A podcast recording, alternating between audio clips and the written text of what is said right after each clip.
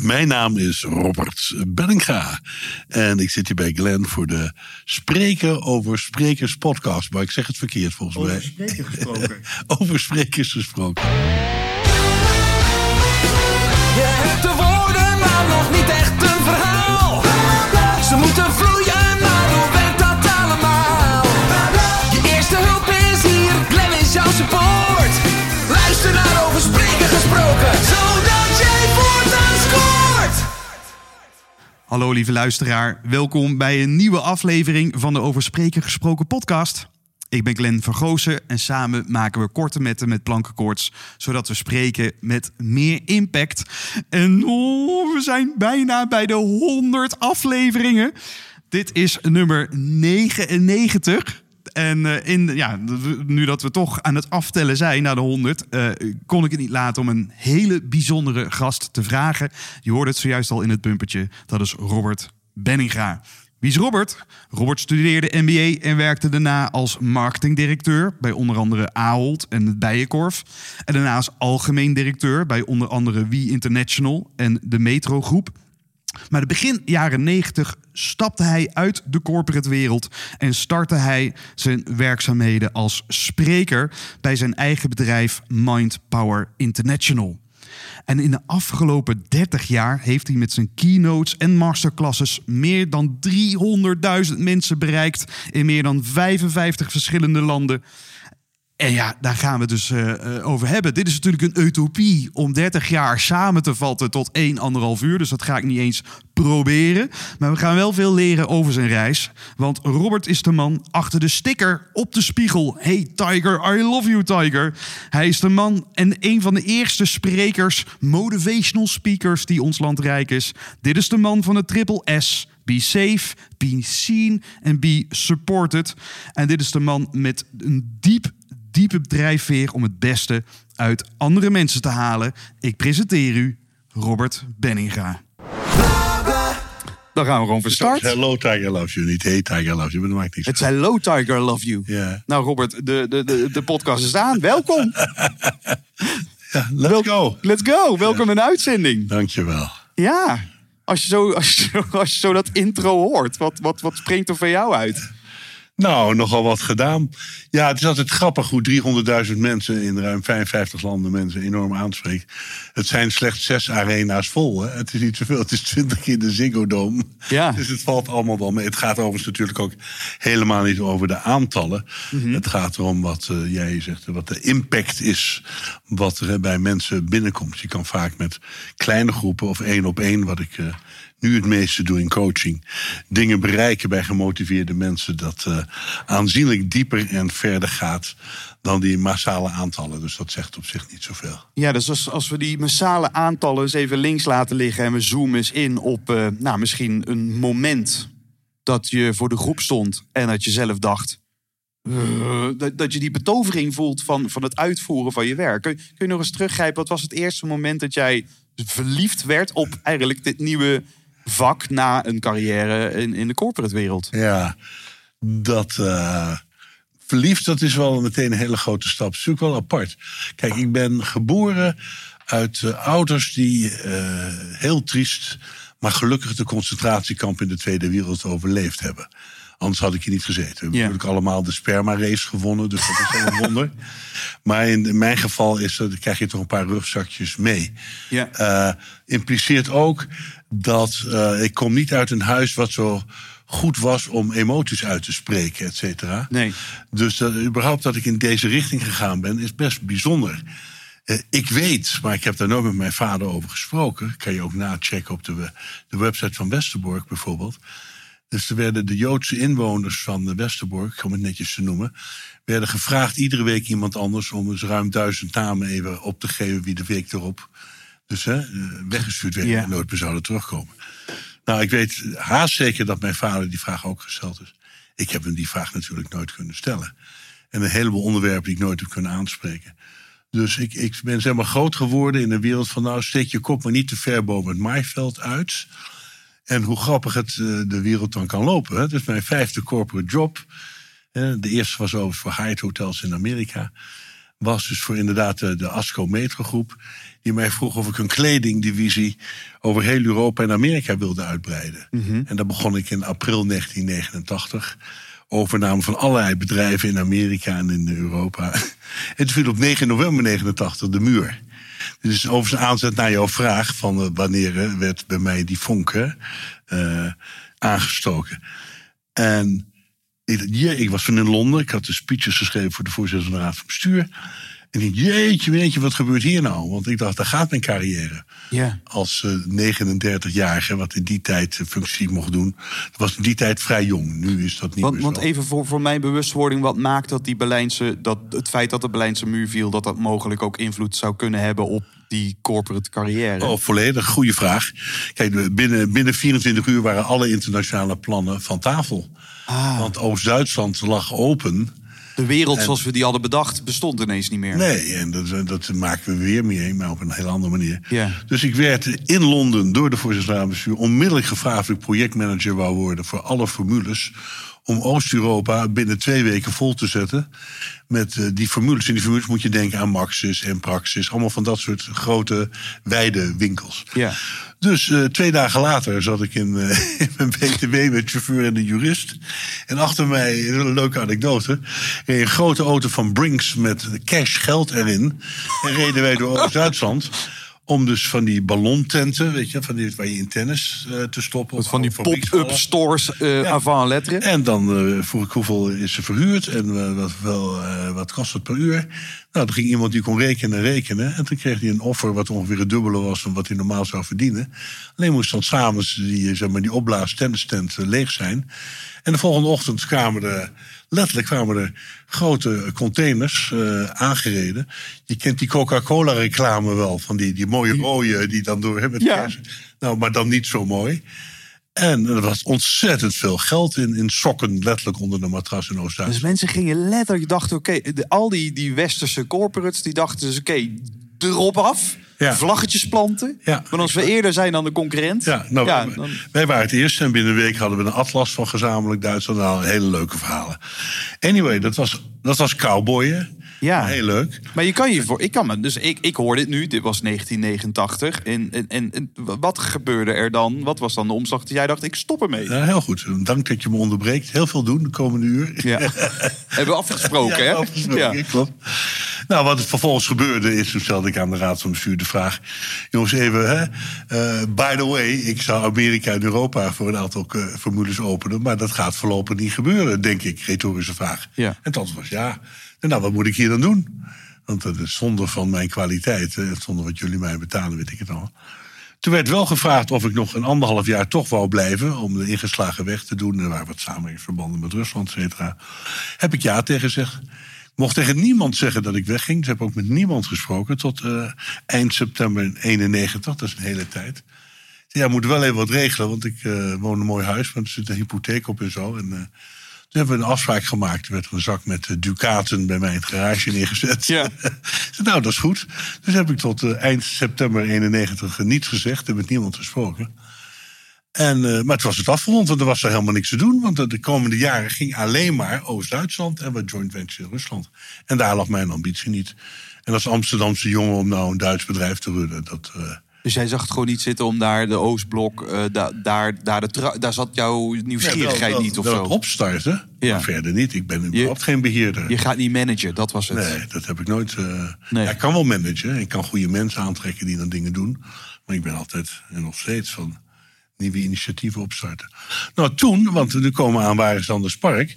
Toen begonnen allerlei vriendjes en vriendinnen mij te vragen: joh, wat heb je nou geleerd in al die corporate jaar? Kom eens langs. We, we, we zijn met elkaar in, in knokken voor een tweedaags en we zitten daar. En dus dacht ik, kom eens mijn managementteam begeleiden. Ik dacht, nou, jullie zijn de weg kwijt. Ik heb geen, ik heb geen ik veel. idee. Behalve dat terugkijken, Glenn, in al die vijf jobs, het is altijd retail en hospitality geweest. Dus de factor mens als toegevoegde waarde van het product was altijd minimaal twee derde van het product. Want het product is nooit zo onderscheidend. Ja. Dus dat is altijd, mijn, mensen is mijn, eh, mijn dingetje altijd geweest. En nog. Dus ging ik als een soort aardigheidje wat retraites begeleiden en wat keynotes houden. En ik vroeg daar niet eens geld voor. Ja, ja maar je moet toch wat rekenen. Ja joh, ik heb een over. Vind ik leuk. Ik vind het leuk. Ik heb oprotpremie Ja, gekregen. toch- ja, dus stuur dat toch maar. Nou, dat is geen oprotpremie. Dat is niet het juiste woord. Maar wel een keurige regeling, omdat het zo liep. Ehm, en eh, nou, in ieder geval, dat was, dat was inderdaad dermate leuk. En ik begon kwaliteiten te ontdekken. Toen, eh, toen binnen een paar maanden deed ik een soort George Bush senior-achtige uitspraak van Read My Lips. Ik denk, nou, er gaan veel meer CEO's komen die net als ik gaan praten over de menskant van hoe je bedrijven runt. En er is nog steeds een meer dan grote behoefte aan. Ik wou net zeggen, we zijn 30 jaar verder. Maar, maar de, de is nog Eh, steeds... eh, je, je gaat daar straks zeker vragen over stellen. ja, daar ga ik zeker vragen over stellen. Misschien is het Nou, wel al, al misschien als, eh, want dat, dat spreken komt zo weer terug. De eerste vraag die nu op mijn lippen ligt is dat ik dus ook wel weer zonde vind haast dat mensen die de menskant zo duidelijk voor ogen hebben, die gaan dan die corporates uit om vervolgens tegen de corporates te gaan vertellen Ja. dat ze de menskant niet uit het oog Ja, moeten nou, het is verliezen. een van de dingen die ik in jou zo apprecieer, dat je dat meteen ziet. Want het is natuurlijk doodzonde. Er is eigenlijk geen mooiere omgeving om met gelijkgezinden, hoewel heel divers, hè, eh, maar gelijkgezinden qua intelligentie of opleiding, gewoon goede mensen, om daar in, in, in, in masterminds eigenlijk grote organisatie te runnen. En het is de triestheid zelf dat dus in, eh, negen van de tien bedrijven nog steeds mensen in het proces en in het spel blijven steken. En er te weinig output uitkomt. Er is wat dat betreft eh, niet zoveel veranderd eh, op metaniveau, Ja. op microniveau. Zij- Dus dat is triest. En als we, als we dan, want je hebt de, de mens onderzocht als zodanig. Hè, wat, wat, wat, waarom doet hij wat hij doet en wat weerhoudt hem om het goede te doen? Zijn we dan gewoon hardleers? Nou, de, de, eh, ongetwijfeld ook. Ik spreek nu voor mijzelf. nou, ik denk wat vooral gaande is. En ik, ik blijf dat dagelijks helaas zien. We, we kijken nu even naar de dark side. Want er Ja. gebeuren natuurlijk heel veel mooie dingen. Maar als je kijkt, een, een gebalanceerde, in een harmonie werkende eh, organisatie, of het nou commercieel of non-profit is, dat is altijd die mix van left brain en right brain, van hoofd en hart, van het rationele en het emotionele. En ik zie, eh, als ik eh, wat hoger ga kijken naar het spelletje, een tendens naar links. Ik bedoel niet linkspolitiek, maar dus left brain, hoofd, het, het eh, rationele. Het, resultaat. het moet altijd een resultaateis zijn en wat voor cultuur er is. Want die resultaateis is het makkelijke stuk van het spelletje. Ja. Je, je hoeft echt Uiteindelijk word je veroordeeld op of je de resultaten haalt voor die Ja, dus aandeelhouders. een heleboel voor die- CEO's zeggen ook, ja jongens, ik, ben, ik heb een mandaat meegekregen voor drie jaar om die cijfers Ja, te halen. ja. En ik moet wat goede mensen erbij zoeken die dan zorgen dat het vanaf de menskant ook lukt. Ja, En eh, nou, ik, ik, ik kijk daar andersom naar. En, en vele van jou, bijvoorbeeld Erik Smithuis, via wie ik hier zit, een hele goede maat van me op meerdere vlakken. Eh, goed mens en een fantastisch bedrijf, ICM. Ehm, ik zie dus steeds meer dat mensen enorm gefocust zijn om doen. En door dingen te doen, dan bepaalde dingen te hebben. En als ze bepaalde dingen hebben, zeggen ze: Nou, nu ga ik eraan werken om dan ook inderdaad gelukkig te zijn. van de, de vruchten te genieten. En mijn levensvisie is: nee, ga nou gewoon direct maak die stap naar het gelukkig zijn, wat daar Ja. ook voor komt kijken. Dan is het veel makkelijker om dingen te doen. Ja. En ik garandeer je, dan zal je meer dan genoeg hebben om al je speeltjes te kopen en leuke dingen te doen. Ja. Maar dat is niet primair gaande. Bij sommigen, gelukkig in de jonge generaties wel. Even een tik tegen die microfoon. Ik hoop dat heeft de luisteraar niet in de gaten. Nee, nou, dus af en toe de, de, de tik die de maatschappij ons geeft, is daar een metafoor van. En dat baart mij wel, baart mij wel zorgen. Dus de, de, hoe, we met mensen, hoe we met elkaar en met mensen omgaan, daar is nog heel erg veel te doen. Ja. Vandaar hè, het meest recente boek wat ik met Ingeborg geschreven heb, hè, Verhoog je LQ, je liefdesquotient. We zeggen zo makkelijk, ja, ik hou van mijn job. Zeg ik, oh, vertel eens even, hè, hou je echt van je job? Wat betekent dat? Ja, ik heb liefde voor mijn vak. Oké, mooi. Leg eens even uit, een score is nul niks en tien hoog. en je schiet je helemaal de, de, het rittenketik, dan komen er zes minnetjes uit, et cetera. Echt waar? Ja, Ja, dus Dus- LQ staat voor liefde, love. liefdesquotient. Ja, en het Dus gaat dus IQ, IQ, ja. intelligentie, IQ, emotionele LQ. intelligentie. En SQ. Ja. Het is destijds heel groot geïntroduceerd, vijf jaar geleden, toen het boek uitkwam door Jack Ma. Die is inmiddels door een aantal omstandigheden in een wat andere hoek terechtgekomen. Ja. En we hebben dat voor het eerste boek gegeven aan twee mensen. Aan eh, Pieter Omtzigt, die daar in mijn visie nog steeds enorm staat voor waar een maatschappij waar mensen zich safe zien en supported voelen. Ja. En, eh, en Bas van der Veld van AFAS, ja. AFAS Software. Mooi voorbeeld ook. Ja. Ja. En eh, nou, we, er gebeurt heel veel en we mogen veel bijdragen, maar er zou nog veel meer kunnen gebeuren. Ja, en het, ik, ik- dus, eh, we komen sowieso ook nog terug op het boek. We hebben dus het, sprekerschap. Kijk, we gaan, dit is heerlijk, maar ik, ik, ik hou het bij de lurven. Toch nog even wat je zegt, hè, we, zijn, we zitten wat meer in die left brain kant. Ja. Het gaat wat meer over de ratio. En ik zie een lezing eh, van de week teruggezien van jou over eh, eh, in de jaren negentig, zegt tijd terug.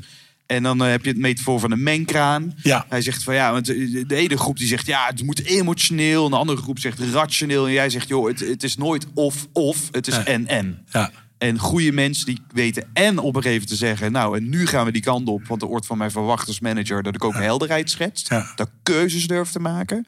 En aan de andere kant heb ik ook mijn emotionele kant...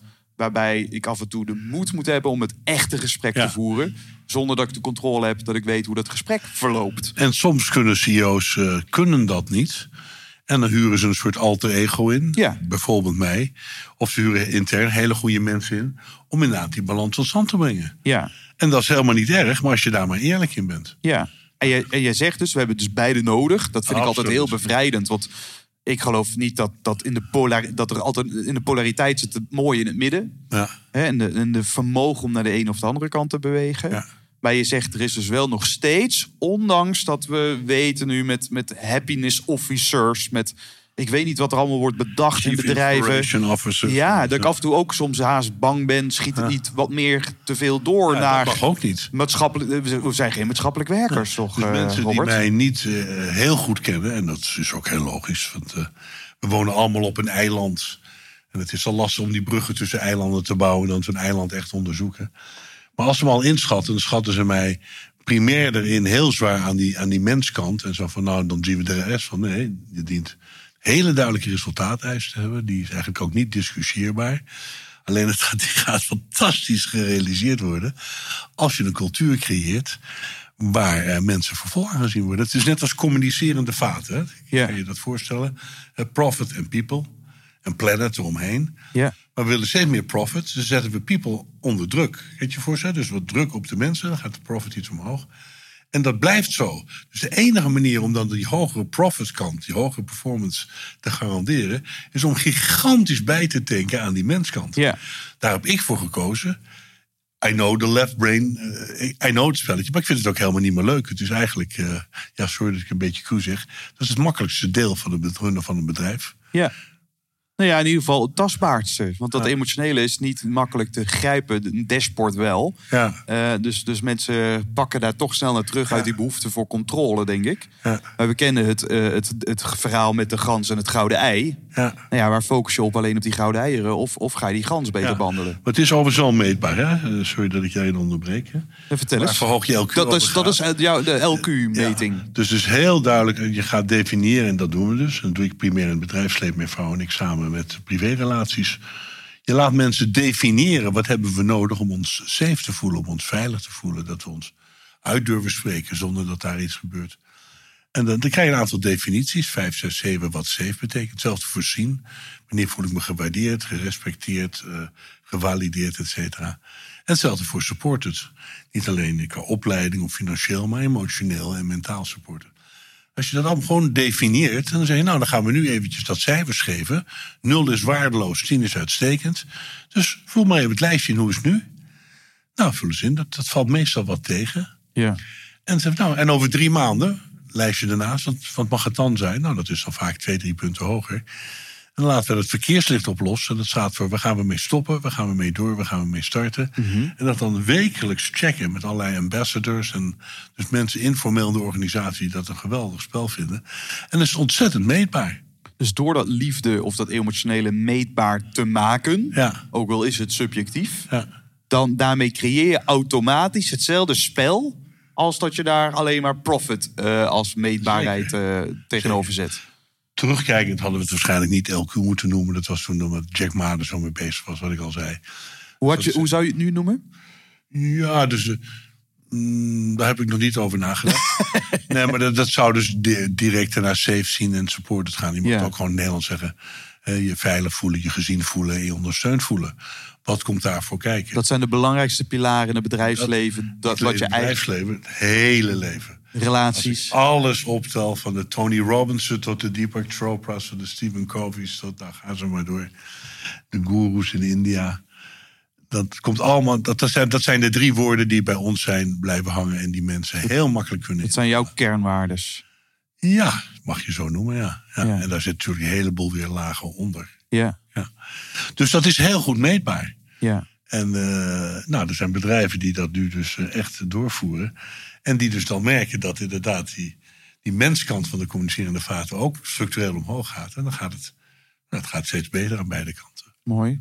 Hey, en wat ik mooi vind, Robert, we horen nu, hè, we, spreken over jouw passie. We horen ook gewoon, gewoon jouw inhoudelijke kant daarin. Dat, Je hebt er wel degelijk over nagedacht. En, en, hè, en mensen die, die, die, die jou niet kennen en die jou zien, die, die zien ook an- een andere kant. En het is namelijk een soort stuiterende eh, wervelwind op het podium. Ja. Eh, eh, met iets waar misschien in grotere mate mensen ook in de 21ste eeuw een allergie voor hebben gekregen. De maakbaarheidsillusie. Ja, dat, dat alles, dat, dat is dan, is dan waarom moeten we, waarom, meneer is goed, goed genoeg. Dat Ja. zijn misschien de woorden die ik zoek. Dus ik als we dus teruggaan naar dat, naar, naar die turning point. Jij stopte met, eh, met werken. Mensen gingen jou vragen, hey, kom eens bij ons meekijken. Ja. Kun je ons wat advies geven? Ja. Dan zie ik nog niet een podiumbeest op dat podium staan. nee, maar dat gebeurt dan heel snel. Ja? Zat, zat dat er al in, eh, Robert? Of hoe, Nou, hoe dat- ontstond dat? Ja, niet voor de hand liggend vanaf mijn, eh, vanaf mijn achtergrond. En ook de soort van programmering van huis uit. Nee, nee want dat, je zegt net... Van- hele, hele, ja, ik weet niet of ik bescheiden was, maar in ieder geval een wat, wat ingetogen mens. Nog steeds, als je mij zo leeuwt, ben ik waarschijnlijk meer introvert dan extravert. Terwijl in mijn uitingsvorm dat extravert er is. Maar ik vind het heerlijk om stil te zijn. Dus je bent een aangeleerde extravert. Ja, dat, dat gaat dan zo. Dat vind ik ook altijd met, met labels wat, eh, eh, wat lastig. Maar ja, over de maakbare wereld. Dus 8 augustus aanstaande is het tien jaar geleden dat mijn eerste fantastische vrouw overleed. Hier is ze, Mary. Ik heb haar altijd bij me. Ik We zien nu, ja, een foto richt zich eh, nu Ja. even op, eh, op de camera. En weet je, als je boeken leest of naar seminars gaat over hoe kan je honderd worden, hè, eh, et cetera, dan gaat het altijd over zes dingen. Gezond eten, niet roken, misschien af en toe een glaasje, maar met mate. Veel bewegen, goed slapen en een heel gezond sociaal leven. Nou, mijn vrouw op een schaal van 0 tot 10 scoorde een 12 op alle, al die zes dingen. En is gewoon op 61 door een tsunami van kanker van het aardse speelveld verdwenen. Ja. Dus mensen die. Daarvoor had ik ook wel eens van. eh, en dat, dat is een te lang verhaal, zeker voor vandaag. Er zitten natuurlijk allerlei stressoren en verhalen in en weet ik het allemaal. Ik heb daarna voor het eerst uitgevonden dat mensen van Aziatische afkomst, ik kwam uit Hongkong, in Europa door een ander eh, dieetpatroon, dat daar kanker meer voorkomt dan in het Verre Oosten. Ik had er nog nooit van gehoord. Had ik het geweten, waren we onmiddellijk naar Hongkong gegaan. Ja. Had ik liever wat in mijn maag gekregen, maar dat is zo heerlijk allemaal daar. Anyway, dus, en nog steeds, en laat wie dan ook, iedereen gezond, maar de hoeveelheid collega-coaches en trainers die doen alsof alles maakbaar is. En het is gewoon niet waar. Ja. Het is echt niet waar, lieve mensen die hier naar luisteren. En je weet het al lang. En dat wil niet zeggen dat je dat moet loslaten. Dat je niet zegt, ik ga er vol voor. Maar op een gegeven moment, houdt het op. Bepaalde dingen passen niet bij je of ze zijn niet haalbaar. Dat is het boek, hè? Haal, het beste uit je, haal het beste uit jezelf. Daar staat niet, eh, wees de absoluut beste in iets. Dat hebben we eh, we in deze wereld... Of het nou verleden is met Adolf Hitler of nu met de Poetins, zo weet ik het allemaal. Daar hebben we slechte ervaringen mee. Die mensen die zeggen absoluut de beste. Maar ja, kijk naar de sport. Het is natuurlijk enig hoe zo'n Rafa Nadal maar doorgaat. Maar ook een Serena Williams die nog steeds dan denkt... het gaat natuurlijk niet gebeuren. Maar alles is niet maakbaar. Nou, je ziet me hier zitten. Ik ben godzijdank heel gezond voor mijn leeftijd. Maar als ik eh, morgen naar Duindicht rij... Hè, de enige eh, eh, horse races in Nederland... en ik zeg, ik zou graag jockey worden... dan kijkt iemand me aan. dus nou, ten eerste is het criterium dat u onder de 50 kilo bent. Ik weet niet wat u weegt, maar u werkt niet in... Dus bepaalde dingen, dat als, als metafoor, maar ook als waar. Hè, Ja. niet een bepaald realiteitsniveau in te bouwen. Ja. Dus hoe mensen maar doorgaan. en doen. Er komt ook een moment dat je zegt, nou, this is not for me. Ja. Het is natuurlijk zo, de wet van de gemiddeld. Iedere keer als iets niet lukt, ben je dichter bij het moment dat het wel lukt. Daar heb ik helemaal de, de ECI's op getraind en de boekenclubs. En die, die waren ook prima als mensen maar een jaar blijven, want dan hebben ze zoveel opgeleverd. Dus dat, dat klopt ook allemaal wel. Maar op een gegeven moment stopt het. Ja. Dus ik verzet mij echt eh, hevig tegen mensen die zeggen: hè, alles is haalbaar. Kijk, als ik hier naartoe rijd, en dat was, op een gegeven moment was het iets drukker. Van, hè, ik woon in Beek bij Nijmegen in de heuvels. Was er toch een file. En dan zit ik op een gegeven moment op die A12. Hè, daar zit ik gewoon op. En dan, als het dan een file is, dan kan ik wel een geintje even bij de, het benzinestation even eraf en weer erop. Ja. Dat ligt binnen je controle. maar je springt niet van de, van de A12 naar een andere. Het is gewoon niet waar. Het is gewoon wat het is dan. Ja. En dan, en dan dus dit, dit punt heb je gemaakt. Leven is niet maakbaar. Eh, het- je, je, ja, het grootste boegvoorbeeld heb je zelf meegemaakt met een vrouw. De liefde van je leven, kerngezond en dan toch ziek worden. Ja. Ook dat heb je eh, eh, niet in de hand. Nee. Waar, waarin, waarin jullie volgens mij zelf de meest als, als koppel naar ieder seminar of eh retraite gingen om, om je te blijven ontwikkelen. Ja. Kun je ons dan meenemen in de nuance van de Hello Tiger, I love you? Ja. Nou, dat, Daar waar, daar waar de misperceptie is dus dat dat grapje Hello Tiger, love you Tiger wordt aangeduid als het oppompen van het ego. Ja, je mag het betekenen. Kijk, in het leven, ik onderbreek je voor excuses. Ja. Ik ga je, Nee, ga je gang. beantwoorden. Ehm, een van de belangrijkste motto's in mijn leven is: niets heeft een betekenis behalve de betekenis die jij en ik eraan geven. Het leven is zinloos. Totdat je er zelf zin in geeft. Oh, dat mag je ook zeggen. Dat is dan weer een uitspraak voor jou, maar die, Ja, ja, maar ik ik spiegel... pak hem even niet op. Nee, nee, laat hem liggen. Ga Ja, door, ja. ga door. Maar dit, daar is wat voor te zeggen. Maar het leven is zeker niet zinloos, totdat je er aan geeft. Ja. Als je praat over Hello Tiger, I love you. Kijk, er staan heel bewust twee hartjes op. Hè? Het gaat erom dat je van jezelf houdt. Want als je eigen flesje niet vol is, hè, zie je staat een gietertje. Hè? Als, deze niet, eh, als daar niks in zit en ik begin de plantjes van het leven water te geven, dan krijgen ze geen water. Nee, dus als ik geen water in me heb zitten, Nee. kan ik het ook niet Nee, geven. hier staat een flesje met water. Weet je, als dat leeg is, dan wil je nog wat drinken. Ja, graag, maar er zit niks in. Nee. Dus het gaat erom, hou je van jezelf en hou je van de ander. En uiteindelijk, als je praat over ook het sprekersvak, waar we geloof ik tegen het eind wat aankomen, maar ik kan je dat nu al vertellen. Een van de vier, vijf belangrijkste dingen als spreker is dat je altijd met de ander dient bezig te zijn. Heel veel sprekers zijn ontzettend met zichzelf bezig. Het meest oninteressante wat je een publiek kan aandoen, behalve als het voorbeelden uit je leven zijn die mensen aanspreken. Dus die hele filosofie, overigens zowel May als ik waren tigers vanuit de Chinese optiek. Zijn in 1950 geboren. En dat was een kreet waar ik opeens mee wakker werd. En die, eh, nog steeds iedere week gaan er tientallen stickers de deur uit van mensen die verhuisd zijn. En het hangt op legio. Dus het is veel meer dan een grapje. Ja. Ik, van de week belde iemand mij en zei, ik moet je iets vertellen, vertel. Jim uit Den Haag. Die zei, we zijn al lang verhuisd, die sticker hangt er niet meer. Ik voelde me niet goed. En ik liep naar de badkamer en in mijn gedachten maakte ik die sticker aan die daar hing. En ik kreeg gewoon een glimlach op mijn gezicht en ik voelde me die dag echt stukken beter. Die belde s'avonds om half elf om me dat te vertellen. En dan maak ik allerlei grapjes. Ja, ze zijn ingestraald en zo. Weet je, Nee, het is gewoon... Het is een enorm placebo-creërend fenomeen. Ja. Maar nu, wat doet dat? En je refereerde aan Mary, en terwijl je die vraag stelde, kwam het volgende bij mij boven. Wat hebben we nou in al die seminars geleerd? Nou, natuurlijk ontzettend veel. eh, van genoten. En, eh, nou ja, gemiddeld zes, zes, zes weken per jaar naar trainingen, kapitalen in onszelf geïnvesteerd. Ja. Dus dat geef ik nog steeds door. Ja. Dus het is best verstandig, dat was ik ook bij die anderen. Ga naar iemand toe. Weet je, als ik het museum ga bezoeken, dan van, van tevoren vraag ik een, een gids aan. Die me dat keurig uitlegt wat daar eh, speelt. Nou, er zijn vier vragen. Die, eh, die als je mij eh, wat boeken leest, er steeds terugkomen. Maar ik vertel ze je heel compact. When shit happens, and shit happens everywhere. With anybody and everybody. And that's why you're here. En we lopen hier stage. En dus je krijgt gewoon tests. Nou, En met, met, met stage bedoel je het, het mogelijke hiernamaals en het eh, eeuwige Ja, leven al hiervoor daar? En hierna. Ja, je zit in de, zit, alle zieltjes zitten in de, in de universiteit boven. Hè, daarom heet het universum, hè, de universiteitsuniversum. Ja. En dan komt iemand binnenlopen en zegt... jongens, we hebben een aantal stageplekken. Wie wil er een stage lopen? Wie, wie mag er weer En dat- afdalen? Dat lijkt me leuk, maar waar gaan we dan naartoe? Ja, dan hangt een, een, een heel klein stukje dust... eh, ja, aarde, en daarom noemen ze dat plekje ook aarde, ergens in de uithoek van het universum. En dan kan je ziel naartoe geschoten worden. En dat wordt, voordat je geschoten wordt, komt een ja, mannetje en een vrouwtje, ik weet niet precies, die komen samen, die maken een verpakking, komt je ziel erin. En dan loop je of eh, een uur mee, of eh, een decennium, of 80 jaar, whatever. En dan kom je terug en dan gaan we je debriefen. Dan heb je het een en ander geleerd. En het, hebben we- het, eh, het wordt een bijzondere reis. Niet Dus alleen- zie je leven als een stageplaats Ja. waarin shit happens. Absolutely, big time. De, en dat is, dat is de uitnodiging om, om er iets mee te doen?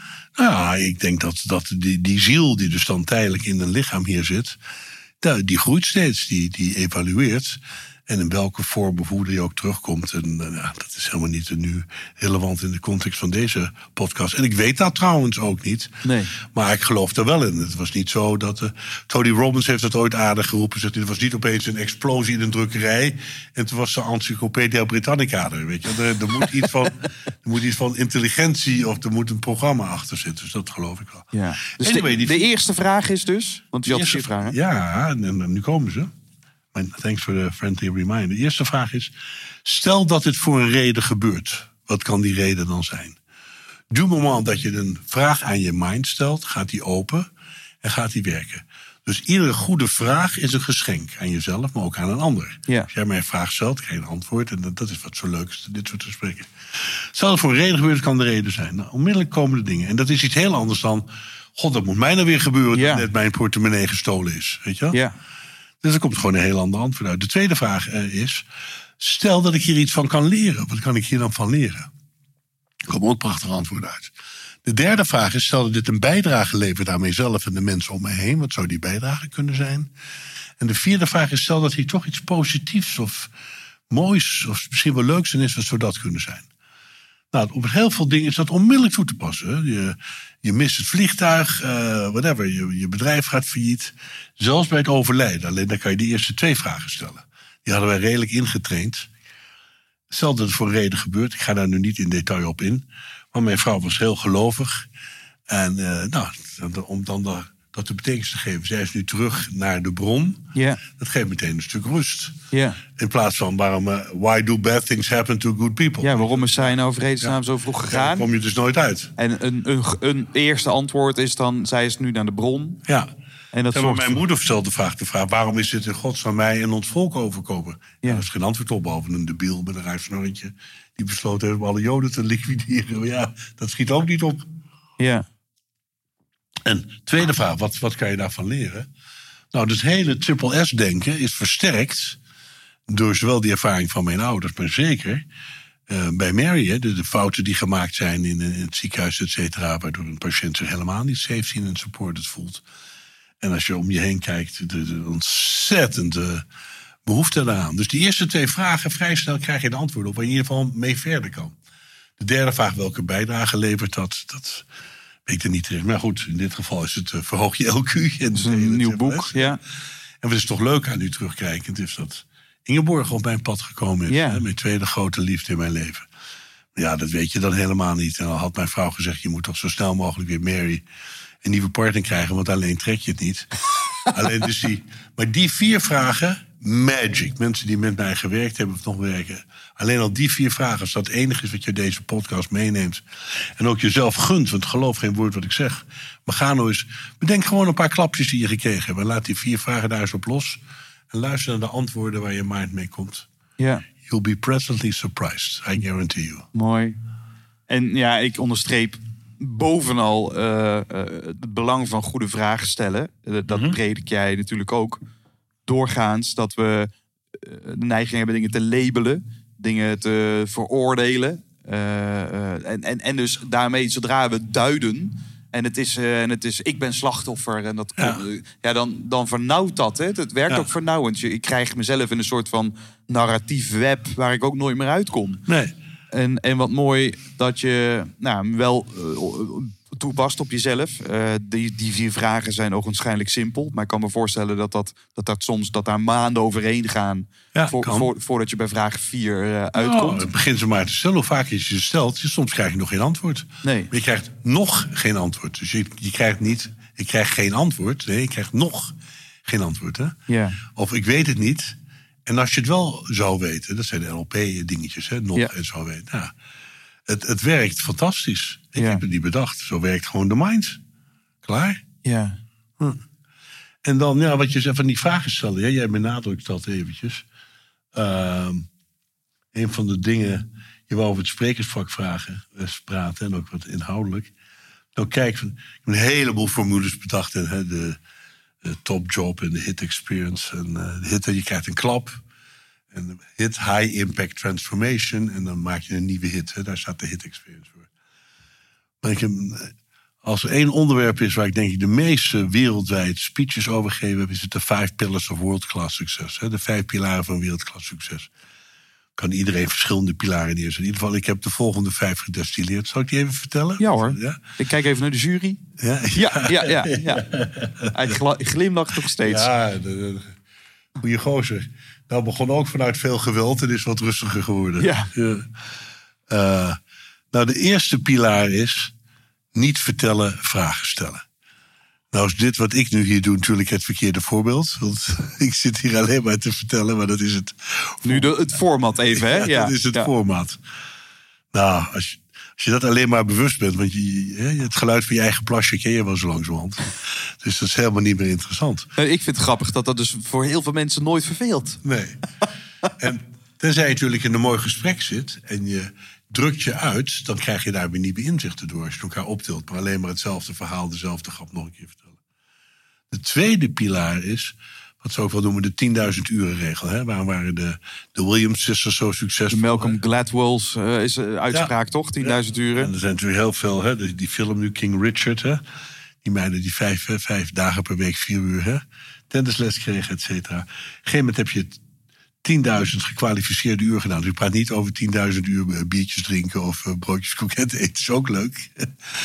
En, maar dat is eigenlijk de community. Hè? Dus hoe bouw je een community? Want je hoeft het niet alleen te doen. Dat is heel moeilijk om alleen die 10.000 uur te doen. Je kan natuurlijk een community creëren, een mastermind op alle mogelijke vormen. Waar je die collectieve eh, kennis eh, hebt en de collectieve wijsheid. En nou, daar, dat, dan, dan kom je ook in een, een enorme versnelling terecht. De derde pilaar is niet alleen vragen stellen, maar om hulp vragen. Dat vinden mensen heel lastig. Want dan bang dat ze niet van voren gezien worden. Ben ik wel goed genoeg? Waarom mag ik nog die vraag stellen? Eh, ik word afgewezen. Allemaal self-talk en Ja. of ingegeven door je omgeving. En de oude uitspraak, wat een ander van je denkt, heb jij niks mee te maken. Makkelijk gezegd hoor. Want nog steeds, ook ik. Soms roept iemand die zegt, ben jij nou helemaal de weg kwijt? Weet je, dan komt die ego boven. Heel veel mensen stellen, stellen geen hulpvragen. Nee. Terwijl als je aan een ander om hulp vraagt, 9 van de 10 mensen je heel graag helpen. En de reden waarom we dat niet doen, is onder andere is, is de vierde pilaar. Dat is namelijk die ego die ons zo in de weg zit. In het Engels heb je van die leuke uitspraken, edging God out. Zo van, hè, I'm the center, ik ben het centrum van het universum. Hè. Of everything good outside, moet je eens kijken wat ik allemaal heb en doe. Hè, status. Het gaat niet om status, het gaat om statuur. Hè. Als je iemand tegenkomt, je voelt onmiddellijk of iemand er erg voor staat en gaat. Maar niet status van ik heb twee strepen meer op mijn arm. Who cares? En het gaat om, eh, ja, het gaat om persoonlijkheid. En, en een sterke identiteit. Daar, daar, hebben, daar hebben we echt behoefte aan. Ja. Authenticiteit is wel echt een modewoord op dit moment. Ja, hè? maar dat, komt wel daar. Maar, het is niet zo makkelijk om te vinden wie je echt bent. Dat is natuurlijk best een zoektocht. En wat is my purpose, et cetera. Dat is het bekende denk u zelf. hè? Ja.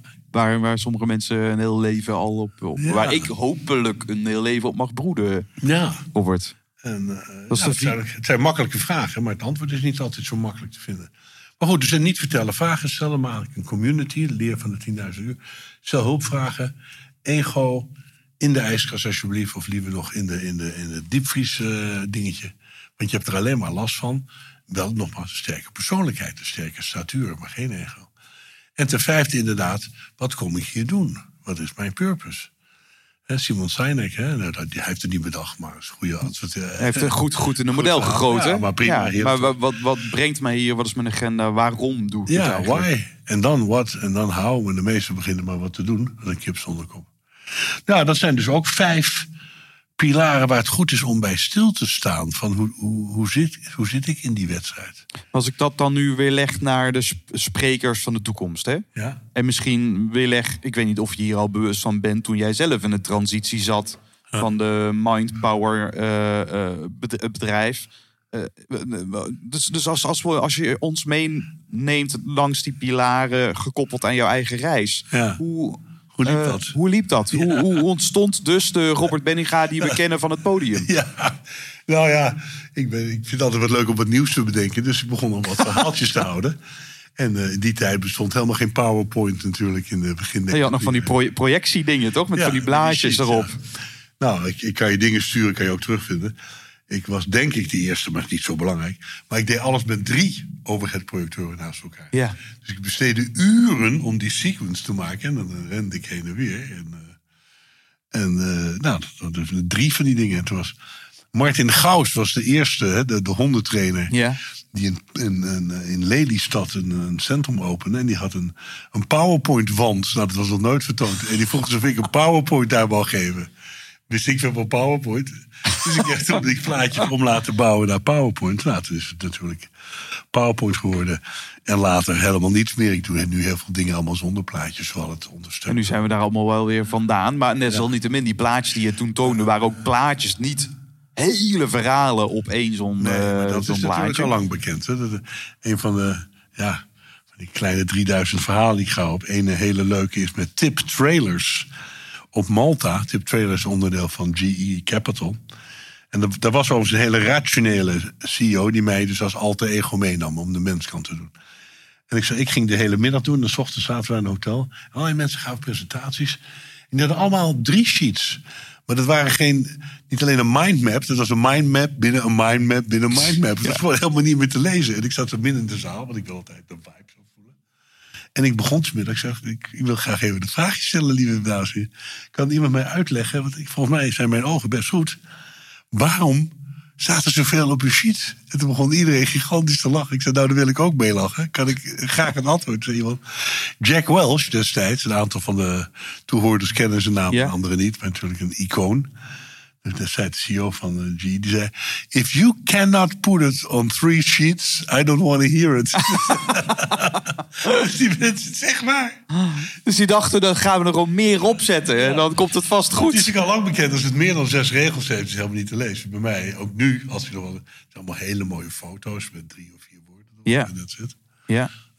Maar dat, eh, ik hoor je dus een paar dingen zeggen. Je, je, had- je had die overhead eh, projectoren die, je- die je gebruikte. Je, je, was al snel bezig met metaforen. Ja. Eh, Keek jij in je omgeving, had jij voorbeelden in die tijd? Heb jij de kunst afgekeken van Amerikanen bijvoorbeeld of zo? Eh, ik, voordat ik hiermee begon, toen ik nog bij Astro werkte, ben ik met, eh, met Mary en eh, vier vrienden naar Birmingham geweest. Naar, naar eh, Tony Robbins. Het, eh, Unleash the Power Within the Weekend, wat hij nog steeds doet. Toen ben je ook wel met je blote voetjes over kolen heen gaan rennen. Wat allemaal niet zo moeilijk is natuurlijk. Maar goed, Nee. dat is weer een ander verhaal. Eh, nou, ik vond dat heel leuk. Ik vond dat wel, ik vond dat mooi. Hoe je met, eh, ik vond het ook meteen intrigerend. Hoe doe je dat dan? Hè? Ja. En eh, een aantal dingen had ik vrij snel door. En, Ja, ik ben zeer geïnteresseerd. Ik ben dat toen ook meteen gaan studeren. Dus ik ben accelerated learning gaan studeren. Dat zegt je iets, neem ik aan. Of- Ja, maar ik ben benieuwd wat, wat je, hoe jij dat ziet. nou, het is die, die Hongaar die dat doet. Nou, een van de belangrijkste dingen zijn de positief retorische vragen. Dus je ziet bijna alle hele, hele goede sprekers beginnen altijd of met een kort persoonlijk verhaaltje. ja. eh, of beginnen met twee eh, of drie positief retorische vragen. Bijvoorbeeld, hoe zou het zijn als jij met minder moeite veel meer gedaan kan krijgen in je leven? Wie zou dat fijn vinden? En dan je hand omhoog steken. Nou, dan iedereen zijn hand op. Een enkeling misschien niet, want die heeft het niet goed gehoord. Of die vindt dat helemaal niet fijn. Ja. En hoe zou het zijn als je nou de komende drie kwartier dat wij hier samen zijn... minimaal twee hele concrete technieken van me meekrijgt... waarvan gewoon bewezen dat ze werken... en dat je die mee naar huis neemt. Zou dat fijn zijn? Zegt hij met een big smile. En ik voel gewoon al, al het bedje is gespreid hoor. Het bedje is gespreid. Ja, maar wat dan gebeurt, dan gaat mind dus open. Dat is overigens de techniek die, je kan er dus ook naar inzetten. Want als jij, dat zal je ook gebeuren, gewoon gebeld wordt door een energiebedrijf. En die jongelui doen gewoon hun job. En ik heb respect voor ze. Dat zeg ik dan ook. Zo, nou, nee, we gaan dit gesprek niet verder voeren. Maar ik wil je complimenteren. Dat je je riedeltje afrekent. Want je wordt afgewezen. En je, niet als persoon, maar dat is lastig. Maar het is hetzelfde. Dus ze, ze stellen vragen dat je drie of vier keer ja, Ja, zegt. zegt, ja. En dan kom je dus in, in die moed. Nou, ik ben dus al dat soort fenomenen gaan bestuderen. Niet vanuit manipulatieve optiek. Overigens, aan dat woord mankeert niks. Hè, want manipularen betekent met je handen iets maken. Maar het heeft natuurlijk een negatieve bijsmaak gekregen. Maar de, je verplaatsen in, in, de, inderdaad in het publiek. Het gaat niet over mij. En je realiseren dat... Nou, ik geef eigenlijk al een antwoord op de laatste vraag. Dus hoef je dan straks niet meer te stellen. de, de collegevraag. Ja, ik lees je zo'n vraag. En dus verplaats je in de ander. Maar vervolgens realiseer je dat die ander, dat jij dat zelf bent. We zijn allemaal dezelfde universele energie, tijdelijk verpakt in in november 8 miljard hè, lichamen. Dus ook als ik dan voor een zaal ga staan, ik weet niet meer van wie ik dat geleerd heb, dan leer ik dan, omhels je hele zaal. Kom ook al kijken en kijk dan naar de hoekjes van de zaal. En als je iemand aanspreekt, groot toneel, de raai, wat dan ook, en daar zit iemand, loop dan niet naar die persoon toe en spreek vlak voor die persoon, maar loop juist helemaal naar de andere kant. Ga aan de andere hoek staan en zeg dat wat fantastisch, waardoor je ook de hele zaal betrekt. Er zijn gewoon een aantal. Net zoals je leert hoe, hoe, de, de, hoe je moet voetballen, hè? weet ik veel. Er zijn gewoon een aantal techniekjes. Ja, maar dat, die techniekjes zijn denk ik heel waardevol... omdat we die nooit, nooit hebben geleerd op een, eh, op een school. Maar, maar dat iedereen wel. Als Ja. je een beetje in een organisatie werkt... wordt iets in een schoot geworpen... ga jij dat morgen eens even presenteren aan, de, aan, aan, aan Maar de dat is heel snel te leren. Je, je, je hoeft naar een cursus. Het is gewoon helemaal nu. Het is overal op internet eh, te vinden. Ja. Ik vond dat wel interessant. En dus toen, nou, toen een soort aardigheidje ben ik wat verhalen gaan houden. En dat is dus helemaal uit de hand Het is gelopen. totaal uit de klauwen gelopen, joh. Ja, ja. Ja. Maar dat komt dan ook wel. Mijn laatste punt misschien, als ik even de spontaan, hè, dus de ander, dat ben je zelf, hè, de, de positief retorische vragen. Heel veel toeters en bellen. Mensen vinden metaforen mooi, hè, dat je het, eh, het tastbaar maakt. Hè. Ja, de tafel ligt hier helemaal vol met, met, met, met, met zooi. nou, Dat zeg ik, dat zeg ik dank je. respectvol. Op een, Maar weet je, wat hebben de sinaasappel en mens met elkaar gemeen? Praat u daar even over met de persoon naast u. Dus steeds mensen met elkaar laten praten. Dus hè, één, twee, allen noem ik dat. Hè. Je laat mensen even nadenken voor zichzelf. Ze praten met de persoon naast zich. Ja. En dan het gesprek openen. Oké. Dus als een spreker vraagt... Wie, wie, wie kan mij vertellen wat een sinaasappel en een mens met elkaar gemeen hebben? Dat is te snel. Ja, dat is te snel. dan is er kortsluiting. gaat zelf denken dan naar mensen en dan laat je ze praten. Nou, dat komt dan uit. Ik herhaal hem even, hè, want sommige mensen hebben pen en papier in de hand. Hè, dus we mogen niet te snel. Dus het is één, twee, allen. Ja, Een briljante techniek. Ja. Eh, heel simpel. Dus is, je stelt een vraag. Eerst- Omarm de, omarm stilte. Geef mensen dan 30 seconden de tijd. Be- bedenk dat eens even voor jezelf. ja. Eh, dat vinden mensen al doodeng, hè? Dus, dus 30 Nee. n- Nou, eh, ik. nee, zeg je. Sprekers die het spannend vinden om te spreken, die gaan stiltes vullen met woorden. Ja, maar dat is omdat zij het eng vinden. Ja, omdat zij het eng, niet de Oh, mensen. de Nee, de, mensen, de, de- spreker, de spreker vindt het eng om die stilte te laten zijn. Maar, maar, maar, maar daarom heb ik altijd. ik drink liters water iedere dag. Want ik heb eh, dat geleerd van Jan van Zetten. Ja. Ik heb nu een glas water, altijd op mijn staan. Ik doe nu heel veel online, hè. En dan stel ik een vraag. En omdat ik het water in mijn gezichtshoek heb staan... dan zeg ik, hoor ik mezelf zeggen... neem maar even een stokje water. En dan is er even stilte. Moet je opletten. Oh, dat is fijn.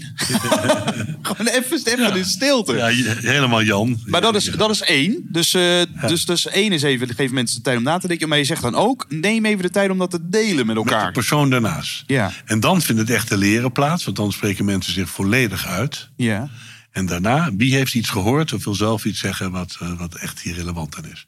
En dan roepen mensen eh, sinaasappelhuidje en zuur, zoet. En dan roept er altijd iemand... Nou, als je, eh, als je hem uitperst, dan komt er nog op wat uit. En dat is natuurlijk waar, waar ik op wacht. Ja. Want als je mensen en sinaasappels onder druk zet, dan komt eruit wat erin zit. Dus sinaasappels die groeien in warmte en liefde en een omgeving en die goed verzorgd worden. Nou, dan ben je meteen weer thuis. Dan ontspant iedereen. Zegt, ja, dat geldt voor mij ook. En dan ben je weer bij de omgeving. Dus, dus niet, ik zet, ik zet mijn medewerkers op het druk pers en druk eruit wat erin zit. Nee, want dan ben je dus in, in dat scenario waar we mee begonnen met die communicerende vaten. Hè? Ja. Onder druk tijdelijk wat meer Dus als ik grotere sinaasappelen wil, dan moet ik ze in een warm klimaat zetten. Ja. Beetje vochtig. Ja, Aandacht, liefde. ja. Ja. Zo eenvoudig is het. en, en de laatste overigens in dat rijtje. Als mensen mij vragen, wat, waarom ben jij zo succesvol geweest? Nog steeds wel, maar doe het rustig aan. Dat is, de, de, dat is die liefdesfrequentie. Dat is, hè, de- Voor jezelf bedoel ja, je? Dus Het- niet de energie van. Want je zei in het begin even die grote zalen. Je zei niet ra, ra, ra, ra, maar dat, dat doe ik dus niet meer. Weet je, dat hoogenergeet. Ik heb nog steeds wel veel energie. Maar het is nu, mensen voelen blijkbaar, dat spelen ze terug. Mensen voelen zich bij mij heel erg comfortabel. ja. En dat is een liefdesenergie, een overvloedsenergie, een vreugde-energie, een appreciatie-energie, een respect-energie. En, ik doe, en dat is mijn default position. Nou, je hebt het hier meegemaakt. Nou ja, ik wilde niet zeggen. Anders. Ik, ik kan niet anders dan tegen die dames aan de receptie complimenten. Die mevrouw die thuis staat schoon te maken. Die, ik zeg altijd iets tegen iemand. Ja. Maar dat vind ik te zeggen. Dit, dit is even leuk voor de luisteraar die, die, die dat natuurlijk niet heeft meegemaakt. Ik, ik kwam je ophalen bij de receptie. nou, we zijn, we zijn vier mensen tegengekomen onderweg van de receptie naar deze kamer.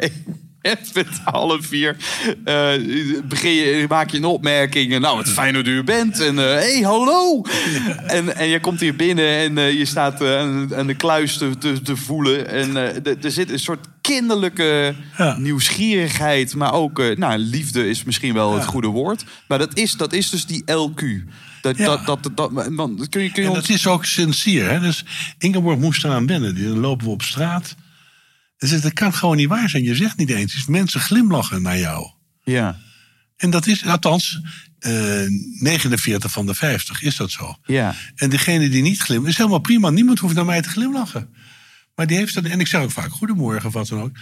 En die, Maar als jij zo'n die- blij, blij, ja, met, met zo'n blij Ja, blij- hoofd. blij dat- ei blij, Ja, blije ei. Nou, dat, dat, de spiegelneuronen gaan natuurlijk Ja, vanzelf. maar- eh, Ja, alleen dat vind ik wel relevant om dat te zeggen. het is geen trucje. Nee, dat is wat je belangrijk vindt om te zeggen. Eh, Ik ben te ver in mijn leven hè, met 72 lentjes.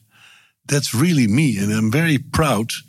Want mijn ouders die kwamen nog met een tik terug hoor, uit Ja. de oorlog. Ja. Ze- Mijn moeder leed aan, aan wat ik noem, en dat weet ze, het is ook aan haar opgedragen in het boek, maar het staat, haar naam staat er niet bij, die leed aan het ABC-virus. Dat staat voor aandacht vragen, beschuldigen. Als je nog geen aandacht krijgt, ga je beschuldigen. Als je nog niet krijgt, ga je het claimen. En dat is natuurlijk veel in de historie. eh, eh, Elvis Presley, eh, Michael Jackson. eh, de A staat ook voor applaus. Weet je, dat houdt nooit op in elkaar. Dus dat is dat ego wat geladen wilt Ja, worden, de afhankelijkheid of zo. worden. Het houdt niet op. Maar dat komt dus omdat mensen dan de liefde niet in zichzelf kunnen Dat putten. durf ik, als ik, zeker als ik namen noem, durf ik dat niet te zeggen. Maar het is, het is een hypothese die niet helemaal eh, realistisch is, laat ik het zo zeggen. Nee. En ik, ik heb dat dus gezien bij mijn moeder. Die kon daar echt niks aan doen. Die heeft zo'n. Die was ijzervreeds, joh. Die was, die was een van de beste turnsters in Nederland. eh, net toen de oorlog uitbrak.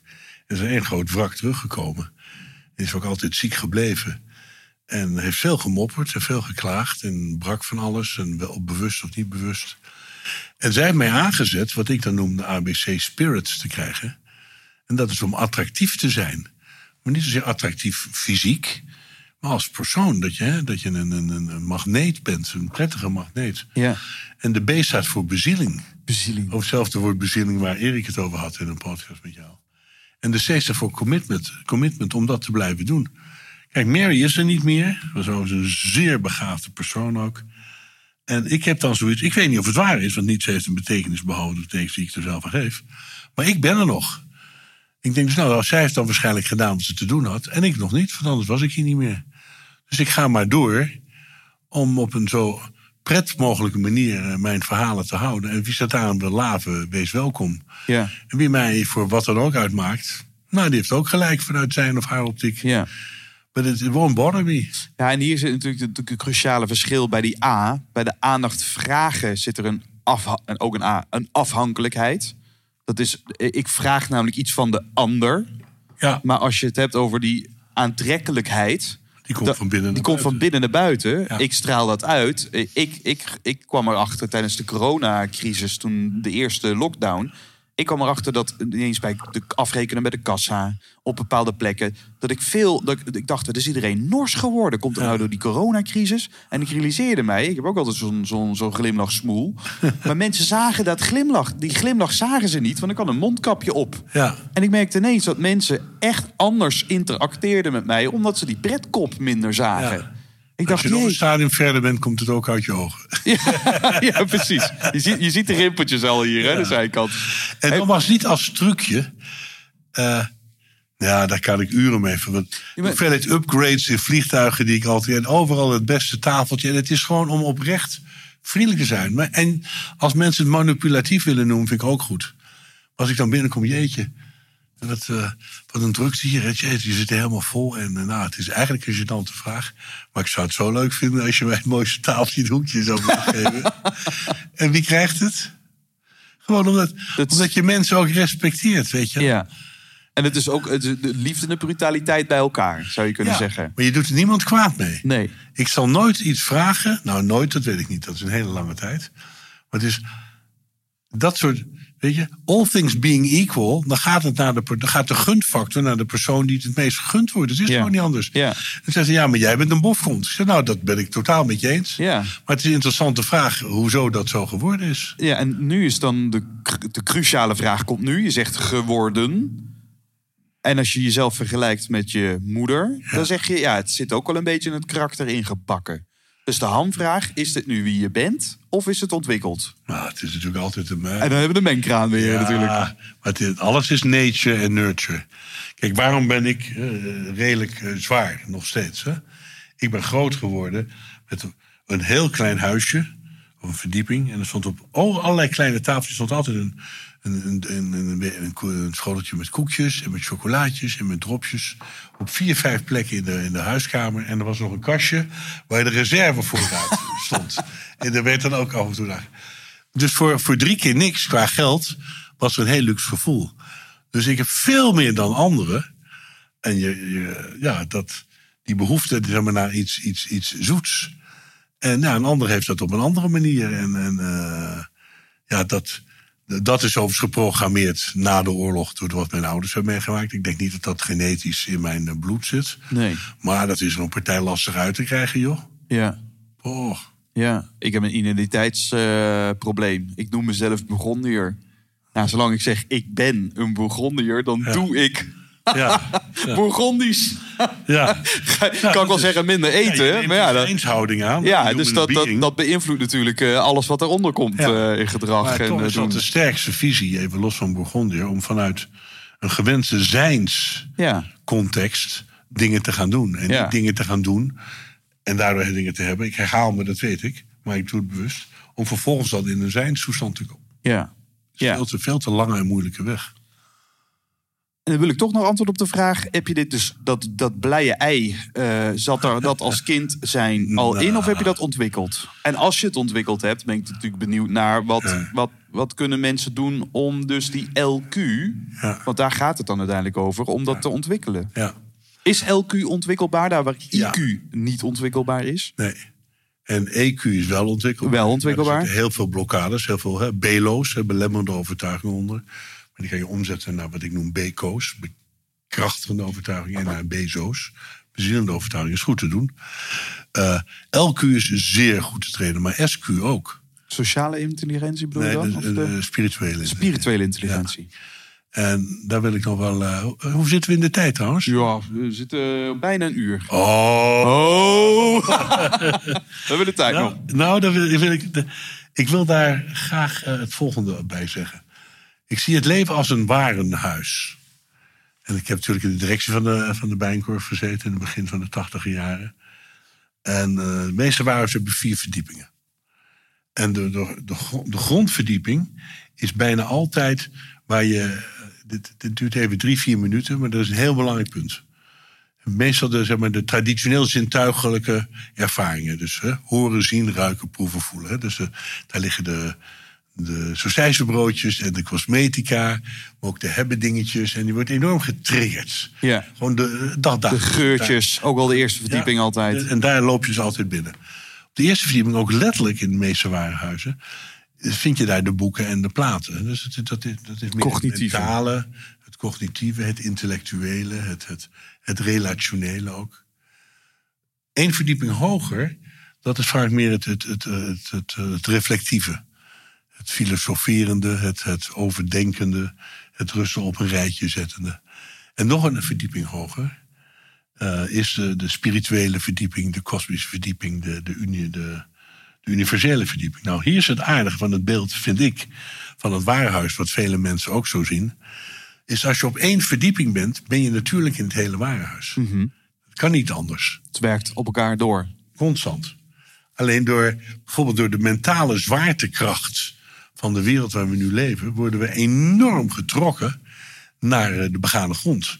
Maar vooral ook in, in, in, in kritische zin. Hè. Eh, hebben we nog wat te eten? Hebben we straks gas? Eh, hoe moet dat? Et cetera. Maar dat is ook waar, waar de economie zich afspeelt. De pecunia. In, inclusief de één etage hoger, het denken daarover, et cetera. Maar hier, even een zijsprongetje. Ik had je gewaarschuwd voor dat, voor dit Het is niet erg ook, hè? Ik weet niet of je dit wist, maar ongeveer de helft van de wereldeconomie hangt aan drie M's. De militaire industrie met aanhang, de medische industrie met aanhang en de media-industrie met aanhang. Oftewel, als er geen oorlogen zijn, als er geen zieken zijn en als er alleen maar goed nieuws is, dan hadden we dit verhaal nu niet kunnen houden. Dan was gewoon de boel failliet. Ja. Een hele trieste constatering, heb ik niet bedacht. Het is gewoon, eh, daar, komt, eh, de, de, Het adagium economisten bad news cells komt daar vandaan. Onder andere. Onder Ja. andere. Maar dus dat wat allemaal gaande is op dit moment op de, in deze wereld is geen, eh, is geen toeval. Nou, de grote context zonder nou de Davos erbij te halen. Wat ik Ja. door het te zeggen, de Great Reset. Ja, ja, ja. Nou, dat betekent nogal wat. Nou, de meeste mensen, zeker mensen op een carrièrepad, de- door, een, door die mentale zwaartekracht naar dingen doen en dat het gebeurt, en dat is op zich ook prima, zitten op die eerste twee verdiepingen. Die komen nauwelijks aan de derde toe, het reflectieve, het filosofische. Laat staan het vierde toe. Nou, wat, er- ik ben nu in een stadium van mijn leven dat ik de meeste tijd besteed op derde en vierde verdieping. En van daaruit regelmatig, jongens, ik ga even naar beneden, even kijken wat er gaande is en ik doe graag mee. ja. En het is echt mijn ervaring in tientallen bedrijven dat dat gewoon betere resultaten geeft. Er is nog een aardig beeld. Hele tijd geleden sprak ik in Istanbul en wachtte een bezoek, hield ik drie verhalen. Bezoek aan de aardse, aartspatriarchaag van de Grieks-Orthodoxe Kerk. Heel interessant. Er werd s'avonds aan mij een verhaal, je vroeg aan mij, wat betekent het kruis voor jou? Ik zei, nou, dat is nogal een vraag. ja. En dan kunnen we eerst een hele discussie hebben wat je met kruis bedoelt. Het rode kruis, het kruis in de, de Zwitserse vlag. Ja, de- de goeie Britse vraag, vlag, ja. eh, Het kruis in mijn lichaam, weet ik veel. Je kan van alles, hè. Ik, ik ga er even op reflecteren. Ik kom er binnen een half uurtje op terug. Want wat bedoelde die voor? Hij bedoelde Nou, het hij kruis bedoelde- van Jezus Christus. Ja, ik bedoel, het, het, het, ja, precies. Het symbool. En eh, toen had ik voor het eerst, zag ik het volgende. En dat werd ook even getriggerd overigens. Daar kom ik er nu bewust op terug. Omdat Erik met jou het daar ook over had. In een iets andere, maar eigenlijk vergelijkbare context. Die had de, over de verticale dimensie van, van hoofd en hart. En ook, je kan maar zoveel eh, dingen doen in de horizontale. Ik zeg hetzelfde. En eh, ik zet daar nog iets naast, zo je wilt. En inderdaad, het horizontale is, you, you can shop till you drop. Op een gegeven moment, je kan niet meer biefstuk eten. Je kan niet meer keer per dag de liefde bedrijven. Je, nou, je kan misschien nog een, een, Lamborghini kopen. En nog een landhuis. Maar het is gewoon op een gegeven moment op. Het verticale is niet alleen hoofd, hart. Niet dat Erik dat zo expliciet zei hoor. Dat doe ik hem tekort. Want ik ken hem heel erg goed bij elkaar. Maar dat is die, die, die oneindige lijn naar Daarboven. het hogere. Ja. Wat nooit eindigt. Ja. Nou, hier is het, het interessante wat ik dus vaak zie misgaan. Eh, dat komt een beetje terug waar we over begonnen. In het bedrijfsleven hoofdzakelijk. Mensen zijn zo met die materiële eh, element bezig. Die, zeg maar, de, bega- de begane, grond. van het, het waarhuis van het leven. Eh, staan zo in lijn eh, in de rij bij de Louis Vuittons in de, in de PC Hoofdstad. Moet je het vooral doen. En, eh, Het is een material world. Als je het leuk vindt, moet je het vooral doen. Alleen wat er gebeurt, dan wordt die fysieke en, en, en, en materiële dimensie van het leven wordt zo zwaar, dat wordt bijna een biels. Je bent er trots op dat je zo'n stevig fundament hebt. Maar tegelijkertijd, het is helemaal niet meer op te tillen. Het wordt een blok aan je been. Ja, letterlijk. Zoals eigenlijk, en ik volg het in de zin van hoe meer je hebt, hoe banger je bent om het weer kwijt te raken. Dat zie je vaak ook gebeuren. Dus wederom iets meer elementen daaraan. Ja, alles is als een diamant, hè, 57 Ja, ja zeker. Eerst, eerste punt. Dus weinig mensen die dan in, in, zeg maar, in, de, in de game, in de material game zo vastzitten, die willen dan wel zeg maar, ook, ook die verticale dimensie doen. Maar er is nauwelijks iets. Dus misschien een heel dun bamboestokje. En dat, is wel flexibel, maar dan kan je die beels niet meer omhoog veilen. Dus als er al een beeld is, wat een aantal mensen in de historie gedaan hebben, en waarom we, de, waarom we een Jezus en een moeder Therese, et cetera, zo, zo krachtig vinden, die hebben als het ware die beels hebben ze wat, eh, wat afgeschraapt. Hè? En hebben daar, wat ze afgeschraapt hebben, die verticale dimensie sterker gemaakt. Want die balans of die harmonie, als die verticale balk sterker is, op een gegeven moment kan je die, kan je die biels omhoog trekken. Anders kan je die niet omhoog trekken. Dus daarom is het ontzettend triest te zien dat je heel veel mensen, die komen gewoon niet meer los uit die materiële eh, waarheid waar ze in zitten. En dus de, vandaar dat, nou, dat merk je ook in dit, dit verhaal, dat die, die, die spirituele component, waarbij ik ervan overtuigd ben, weet, dus niet geloof, weet, dat ik dus, wat ik al zei in het begin, een ziel ben die op, hè, Ja. mijn ouders gekozen heeft om deze zeer bijzondere ervaringen te hebben. Ja. Maar omdat ik die enorme sterke spirituele verticale dimensie heb en die ook blijft versterken, kan ik ook wat ik ook materieel vergaar. En ik heb gelukkig een eh, royaal materieel leven mogen, mogen realiseren. Kan die ook heel goed daarmee omhoog. Ja. Waardoor je een, een totaal overzicht houdt. Want een, een, nogmaals, een bamboestokje op een zware biels. Nou, dat, nou, als je alleen beeld al ziet, ja, dat. Knakt op een gegeven moment. Ja, we're not going anywhere. Nee. Ik vind het een mooie metafoor. Metafoor zeker in als hè, eh, bijenkorf, eh, voormalig bijenkorfdirecteur. Eh, je hebt de vier verdiepingen. Ja. En klopt het dan, even dat ik je goed begrijp, de ontwikkeling voert zich per verdieping. Dus je gaat van de begane grond naar de eerste Vaak. verdieping. Van de eerste verdieping naar de tweede, van de tweede naar de hoogste Ja, verdieping. dat, is, dat is de weg waarom ik bewust vaak zeg, want dat is die do, have, be. Hè? Doen, hebben, Ja. zijn richting. Ja, Eh, ik ben het daar niet mee eens. Eh, het, het is mijn ervaring. Kijk, in, in, in trainingen, wat ik vaak een oefening die ik doe, een ontzettend leuke oefening. Mensen, weet wederom 1, 2 allen. Ze bedenken hè, over, een maand, dus 13 augustus, het is vandaag 13 juli. Wat zou je willen doen de komende maand waardoor de kwaliteit van je leven omhoog gaat?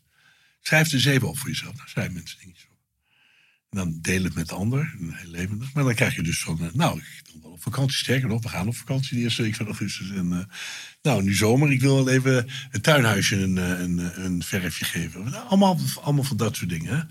Ik wil eh, die en die nog eens even bezoeken. Ik heb wat extra tijd, eens even bijpraten. Allemaal van dat soort dingen. Een aantal mensen delen dat dan. Zeg, wat hebben al deze verhalen dan gemeen? Denk even voor jezelf, gaat er even over, daar komt nog niet zoveel uit. En dan vraag ik, oké, laat ik het anders doen. Dan vraag ik, wie wil het even met mij een paar stappen verder nemen? Altijd iemand. En eh, zeg maar iemand die zegt, nou, ik wil heel graag, god, zie dikke Parijs kan ik zo lekker eten. Ik neem de, op één dag, ik neem de, de Thalys en we gaan daar lekker lunchen. Eh, heerlijk, Mark Raar en Riesling en rijden weer terug. En uh, wij s'avonds weer thuis. En eh, nou, dan, oké, wat brengt je dat dan? Nou, dat vind ik gewoon hartstikke leuk. Zeg, is dat makkelijk te doen? Nou, nee, ik kan het niet in mijn, in mijn eentje. Het kost geld, het kost tijd. Het is niet echt goed voor de gezondheid. Allerlei dingen, hè? Ik zeg, maar wat brengt het je dan wel? En eh, ik zeg, nou, ja, uiteindelijk maakt me dat gelukkig. Ik zeg, nou, dat is eh, fijn. fijn. Ik zeg, mag ik jou een voorbeeld geven ernaast? Niet dat dat beter is. Wat, wat je ook kan doen. Ik zeg, ja hoor. En, eh, nou, het blijft mijn beeld. En ik maak dan, ik doe dus wat.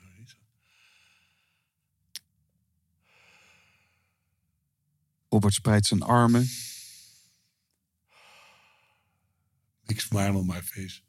Raak zo mijn derde oog aan, hè, boven mijn wenkbrauwen. Dus even mijn mond. En straks zo mijn chakras, mijn energie. Ja. omlaag. Nou, het kost geen cent, kan het alleen doen, goed voor de gezondheid. En, en ik ben I'm also happy. Ik zeg dat het beter is, als, jij dat wil doen naar Parijs, moet je dat vooral doen. Het is, wie je ook vraagt, al die verhaaltjes komen er altijd op neer. We doen van alles en nog wat om uiteindelijk ons gewoon peace of mind te hebben, ons rustig te voelen, ons gelukkig te voelen. Als je mensen een lijstje laat maken van de tien dingen waar je je echt goed bij voelt. Zijn negen van de tien is gewoon dat, dat wandelingetje in het bos. Ja. Dat is even naar buiten kijken. De, wat is het groen mooi. eh, wat ligt mijn kindje lief te slapen. Interessant. Ja. Dus die, al die onttrekkende bewegingen. Met al die, die dingetjes. En eh, nogmaals, ik heb lang in de retail gezeten en in de hospitality. Dus er is niks verkeerd aan die hele business. Maar het, het, uiteindelijk, geluk zit natuurlijk van binnen. Peace of mind and your joy. En eh, je ziet dat ik heb nog even een dingetje. Ja, je, Het speelt, op, hè? speelt met spullen. Ik ga je zo weer kaderen hoor, eh, Robert. Ja? Maar je mag nog één. Ik heb Even metafoor snel. van de afstandsbediening Ja. zie ik eh, voor me. die afstandsbediening. Ik kwam, daar kwam voor het eerst op. Ik hield een verhaal tijdens de Clinton-Lewinsky-affaire in Midland, Michigan, het hoofdkantoor van Dow Chemical. En iemand vroeg zomaar midden in een leadership verhaal: wat vindt u van Clinton-Lewinsky? Ik zei, wat ik ervan vind, alsof dat enige relevantie heeft. Ja, maar hoe kijkt u ernaar? En toen kwam het beeld van de afstandsbediening boven. Ik zei, wat ik denk, we hebben allemaal, veel mensen kennen de chakra's niet. Dat gaat ver, jij wel, neem ik aan, dat gaat te ver om dat nu te, maar het zijn zeven energiecentra, van je kruin tot aan de, je genitaliën. En, eh, ik denk dat het verstandig is, wij allemaal, dat we ons bewust zijn op welk niveau communiceren we met onszelf en met de ander. En ik denk dat meneer Clinton daar een paar fouten gemaakt heeft. Dat het, dat wat lager in de, in, de, Ja. in, de, in, de, in plaats van hoger. Want als je dus met stagiairen wat ook werkt, dan. Maar ook in het seminar zal je ook hebben. Ik, je hebt zoveel mooie mensen, letterlijk heb mannen en vrouwen dan in je publiek. Als ik me laat verleiden om zeg maar, naar de, de prachtigheid van. eh, ik ben een, een hetero man en ik vind kijken naar mooie vrouwen vind ik heel plezierig. Als ik me zou laten verleiden om zeg maar, vanuit een wat lager energetisch niveau dan naar het publiek te kijken. dan raak ik als het ware mijn draadje kwijt. Ja. Maar ik communiceer ook niet meer vanuit, vanuit communicatie of intellect of, of vanuit het spirituele. Ja. Dus het is heel interessant om je af te vragen, zowel zakelijk als privé, op welke zender zit je eigenlijk? Hè? En wat is het contrast? En Welke frequentie eh, communiceer je? En daar ben ik dus heel bewust mee bezig. Ja. Heel bewust. ja, want mijn valkuil, dan hebben over de chakra's, misschien leuk voor de luisteraar, mocht je er meer over willen weten. eh, Check Leon van der Zanden, voormalig cabaretier. Als je doorscrollt naar halverwege, want we hebben echt dat af, die aflevering duurt meer dan twee uur volgens mij. Nou, ga je naar halverwege, dan hebben we het een hele tijd over die eh, verschillende chakra's en ook hoe zich dat verhoudt als spreker. Ja. Nou, even, je hebt die zeven niveaus. Mijn probleem was, omdat ik een, een onderste chakra of energieveld, hè, zeg even daarbij het scrotum, de, Ja. de, de mannelijke energie, eh, de, waar kracht vandaan komt. Omdat ik dat veroordeelde, sloot ik hem af. En dan, dan is het ook niet effectief. Nee. Want het, er zit wel een is soort wel. volgordelijkheid. En pas wanneer dat je dat, pas wanneer dat je sterk gaat staan, zou je kunnen zeggen, Ja. kun je ook beter vanuit je buik eh, Ja. eh, spreken. Eh, en je hoorbaar maken. Ja. Dus mijn belangrijkste inzicht is dat, dat als het dan gaat over die warenhuis met die verschillende verdiepingen, dat ik ook veel zie dat we vanuit die zintuigelijke begane grond een, een, een bypass management doen naar de hoogste verdieping, naar het spirituele. Waarbij we, Jan Geurts noemt dat, die ik interviewde, die noemt dat een soort welzijnsspiritualiteit. Ja. Waarbij, en er is niks mis met boeken als Happiness en met. Alleen wat, wat we daarin zien, als we dan blaadjes doorlopen, is het een derde staat vol met reclames. Waar eigenlijk spiritualiteit wordt gekoppeld aan nog steeds de retail, koop dit en u zult gelukkig Ja, zijn. ja. Terwijl het juist het spirituele is dat ik het op een gegeven moment niet meer nodig heb om het te kunnen ervaren. Maar wat jij nu bij eens, duidelijk, wat jij bij mij triggert, kan nu weer gelukkig, in corona natuurlijk niet. In zalen tot 300, 400 man eet ik iedereen persoonlijk welkom. Sta ik aan de deur. Jij schudt dan iedereen eh, de hand. Ja, ja tot 300, 400. Zijn, want anders duurt het te lang. Ja. Dan wordt de organisatie. Maar ik kon nog dat aan. En dan neem ik eigenlijk een soort spirituele thermometer. Ik weet niet eens precies hoe dat werkt, want natuurlijk herinner ik me die namen niet. En ik kijk mensen diep in de ogen. En soms gaat het iets te snel. En ik, ben ik eigenlijk een soort, sorry. En dan, maar dan is er, nog, is er nog niks gebeurd. En als die 400 mensen zitten, is daar zo een andere connectie. dan dat ik uit de coulissen op kom lopen. Dat is echt. Het is niet te vergelijken. Dus kunt- Vertel eens, wat is het verschil dan? Als je het een ja, eh, wel of niet zou doen? er is connectie, er is verbinding. Ja. En het kan ook zonder dat je een hand geeft. Hè? Want in de corona, we hebben heel veel dingen online gedaan. Nou, dan worden de, alleen al oogcontact is natuurlijk de emotionele hand, handschud. Wat, Ja, je, wat je kan ja, doen dan. Oogcontact, heel veel mensen vinden dat lastig, want het is zo cruciaal. Er zijn een heleboel manieren. Kijk, woorden zijn heel erg traag. En eh, tegelijkertijd. Maar wat bedoel je daarmee? Woorden zijn heel erg... Nou, woorden hebben, eh, dank je voor die vraag. Woorden hebben heel veel ruimte nodig. Het duurt lang. Ik zeg wat ik jou wil vertellen, of, of de mensen thuis wil vertellen, en een aantal krijgen dat mee.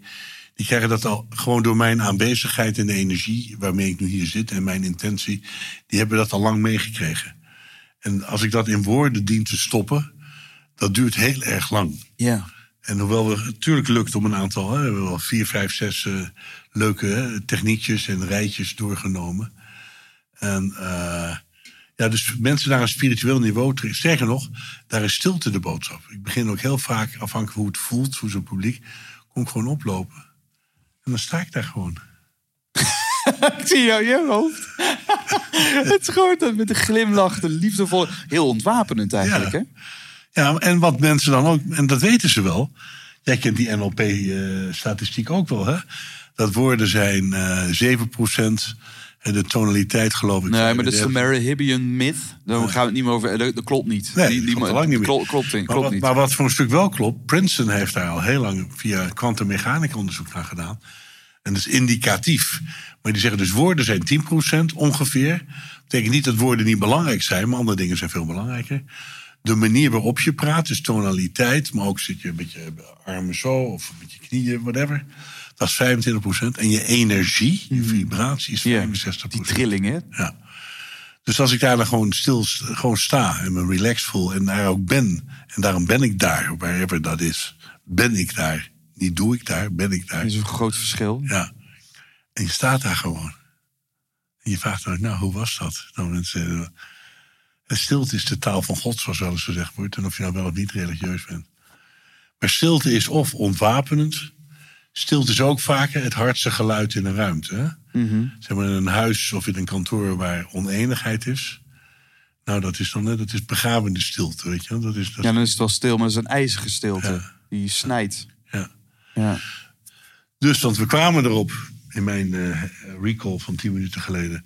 Want hoe kom je dan bij die spirituele dimensie? En begint het niet beneden. Nee, het kan ook boven beginnen. En dat is eigenlijk veel efficiënter. Maar dat werkt alleen met mensen die daar op de een of andere manier klaar voor zijn. Het oude boeddhistische gezegd, hè? als de student er niet klaar voor is, heeft het geen zin voor de leraar te verschijnen. En een heleboel mensen zijn er niet klaar voor. En daar kunnen die mensen ook niks aan doen. La- Laat ze met rust. En of ik daar dan hè, de beperkte tijd die ik had en heb, daaraan wil besteden. Want het is vaak. Ze willen het niet. Ze willen ze niet uiten. Ze willen zich niet emotioneel opengeven. Ze willen zich niet kwetsbaar opstellen. En wie ben ik om daar een oorlog over te hebben? Die Ja. mensen zullen daar een reden voor hebben. Ja, en dan hebben we het over het, het begeleiden van eh nou, legio's mensen die dan eh, bij keynotes of, eh, of workshops of seminars langskomen. Nou, we kunnen het paard naar het water brengen, maar zeker niet dwingen om te drinken. Absoluut.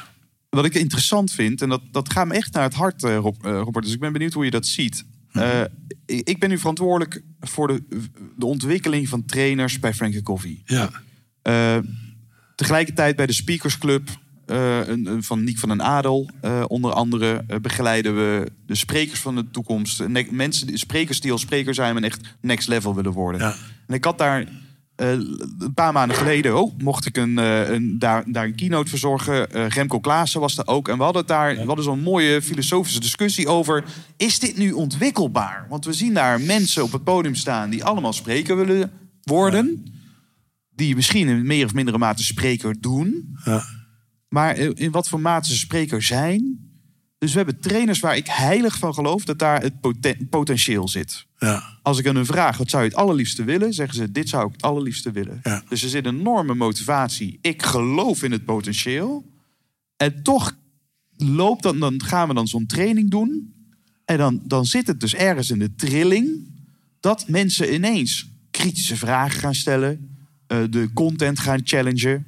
eh, uitchecken. Ja. Terwijl ik doe geen andere content. Ja. Ik, we hebben allemaal dezelfde content. Ja. Eh, we doen ongeveer dezelfde dingen. Ja. En dan, en dan zie je een totaal ander, ander effect. Ja. En ik vraag me af, hoe, hoe, kan ik dit? Ik wil, ik wil dat zij dat ook goed kunnen, weet je wel? Dat dat, dat, dat dat geloof- net zo goed gaat. Dat geloof ik helemaal van je. Ja, ik heb daar natuurlijk het antwoord niet op. Want Ik ben niet helderziend. Maar wat het bij mij triggert, is het volgende. Kijk, een, een ijsberg het wordt voor van alles en nog wat gebruikt, maar het blijft een mooi beeld. hè? Zo'n 10% Ja. boven de rest onder. Dus het kan best zijn dat je voorlopig denkt. eh, wat jij ook schrijft op je website. Hè? Je, had, eh, je hebt het ook gedaan, acteur en dit. En op de planken staan. Ik krijg je een kick van en zo. Was bij helemaal niet zo. Ik kreeg helemaal geen kick van op de planken. Wat ik heb, heb ik daar te doen? Dat heeft niks met mijn achtergrond te maken. Ja. Sterker nog, mijn familie zegt: het, zou je dat nou wel doen? ja, dat, eh, we hebben daar al genoeg ellende gezien. Ja. Dus ik, ik vermoed dat het eh, mogelijk niet, nog niet gelukt is. Dat mensen dan checken. Ik denk wel, hè, wat boven de. Ik heb me opgegeven voor die training, hè, want het lijkt mij fantastisch. Maar niet weten wat eronder zit. Even een andere ijsberg. Eh, je hebt zeg maar de woede-ijsberg. Dat is heel interessant. Hè? Dat mensen worden opeens boos over iets. Hè? En vragen zichzelf, waar komt dit nou vandaan? Ja. Heb dus woorden komen hun mond uit voordat ze hun hersens gepasseerd zijn. Dat hebben we allemaal eens meegemaakt. Wat doe je nou? Wat zeg je nou?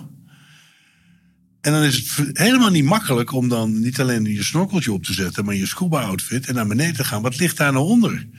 Wat voor angst ligt daaronder? De- Wat is aangesproken? Wat niet gerespecteerd worden? Je niet triple S voelen, safe, seat supported. eh, dat je toch vindt dat je niet goed genoeg bent. Dat, kan zoveel zijn. Dus heel veel mensen, vermoed ik, een hele gevaarlijke hypothese. Maar jij stelt een vraag, dus ik moet antwoord geven. Ja. Nee, maar dit vermoed ik echt. Dat daar zoveel elementen onder zitten. Maar misschien ook zelf wel bereid waren en klaar voor waren om dat, om dat to face it, hè, om het, het te zien. En te accepteren en te respecteren. En als men dat dan aankijkt, dan ja, ik dacht wel dat ik dat leuk zou vinden. Maar ik vind dat eigenlijk helemaal niks. Of ik wil, met alles weg, ik wil gewoon nu of nooit eh, die, die reis maken. Ik wil daar helemaal niet naartoe. Ik wil die scuba-reis niet maken. Nee. En ik heb een beetje blijkbaar het omgekeerde meegemaakt. Ik had dat echt nooit verwacht. Even los van het succes dan, hè, maatschappelijk wat het geworden Ja. is. Maar vooral de mensen die ik heb mogen aanraken. Overigens, dit ligt hier even tussendoor. Hè, want het, Nee, leven- doen we straks. Doen we straks. Ja, doen we straks. Ja, ja. Ga je nu even, even parkeren. Ja, ja, ga door. Ik, ik zie hem zeg maar liggen. nou, ik denk dat bij mij het omgekeerde is. eens. Eigenlijk helemaal niet. Mijn vriendjes vroegen dus, nou kom eens langs en eh, begeleid het eens even zo'n weekend. Ik zei, ja, je bent de weg kwijt, man. Ik ben daar helemaal niet voor geëquipeerd. En dat ging zo goed toen al. En toen was ik me helemaal niet bewust van al die tools die ik al noemde. Zoals accelerated learning en al die eh, manieren om eh, leren te en vergemakkelijken. andere- En je hoge frequentie Ja. en positieve retorische vragen. En de toeters en de bellen. En ik kwam er dus achter. Zeg maar wel vanuit meer een soort angst. Van nou, zou je dat nou wel doen? Maar dat het eh, wel misschien wel een veel te groot woord. Hoor, maar een beetje mijn roeping was. Althans, het woord beroep komt van roeping. Ja. Of andersom. Dus zo, eh, zo Harry Ferry is dat helemaal niet. Nou, dat is in ieder geval de laatste 30 jaar gebleken. Want ik voel me als een vis in het water. Ja. Als iemand, ik heb nou zeven boeken zelf geschreven, drie met een ander. Maar als iemand mij twintig jaar gezegd zou hebben, ga je, je gaat een boek schrijven. Dan ik zei, nou, ik drink zelf niet, maar wil je een whisky? Ik weet wel, ik weet wel dat de blauwe Johnny Walker is de beste. Dus eh, die, die krijg je van mij, want ik ga dus echt geen boek schrijven. Dan had je Ja. iemand voor gek verklaard. Nou, in ieder geval van, ja, ik weet niet waar je dat vandaan haalt. Ja. Maar, eh, dus het kan grappig lopen. Dus ik denk dat bij mij, en dat vind ik heel bijzonder, en daar ben ik heel blij mee, dat het bij mij precies andersom gegaan is. Ja. En dat is eigenlijk een rustigere weg. Je hebt, je hebt het kunstje aldoende geleerd, zou je kunnen zeggen. Dan Ja, wanneer nou, dat ik denk, wat... Als ik het dan toch doe, als ik gevaar heb, dan, dan doe ik het ook goed. Ja.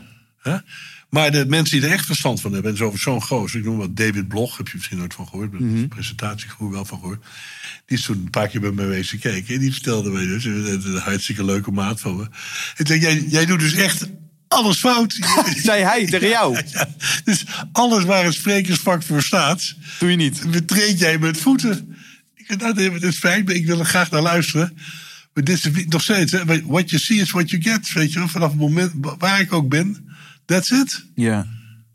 En nou, some Heb je- people love it and some people hate it. Ja, dat- Dus je hebt, het, je hebt het daarna niet veranderd. Het is niet dat je door hem dan allerlei dingen anders bent gaan doen.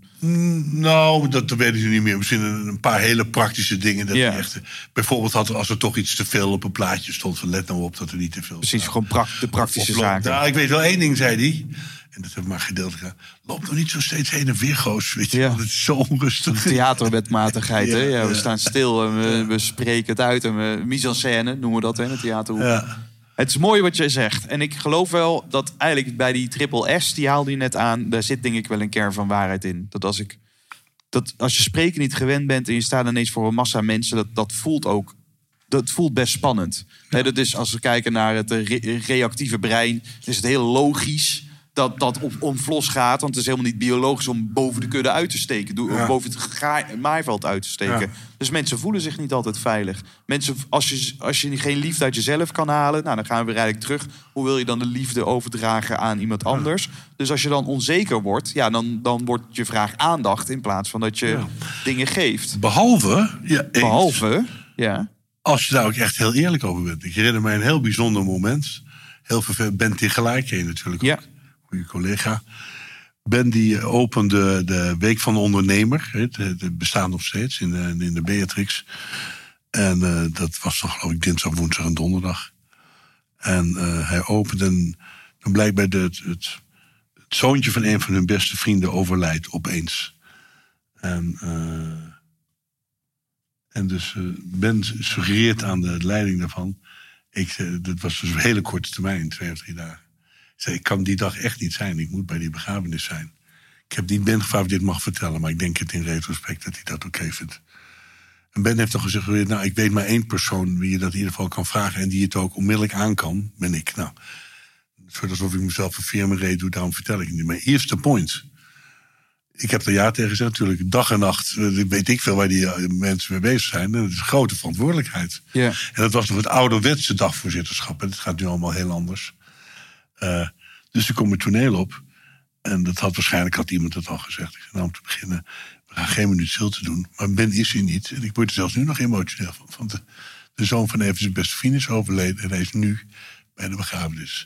En heeft mij gevraagd of ik zijn plaats wil innemen. Ik doe, ik doe wat ik kan om... eh, waar hij zich voortreffelijk op voorbereid heeft. En ik eh, in 24 uur om dat goed te doen. En dat is dan echt, dat weet ik echt. Dan krijg je al een applaus. Het gaat helemaal niet om het applaus. Maar dan kan er helemaal niks meer verkeerd gaan. Als je weet, wie komt er ook alweer? Ja. It doesn't make any difference. ja. Terwijl, ja, je moet wel, weet je, als je gaat tennissen, dan moet je wel, moet je ook echt goed spelen, weet je. Dus je give the best you have. Dus wat jij net zei is allemaal correct. En wees dan vooral eerlijk en kwetsbaar. Ja. Als je er dan gaat staan van, nou, ik zal het wel eventjes doen. En misschien is dat ook wel zo, maar dat is dus niet verstandig. Nee.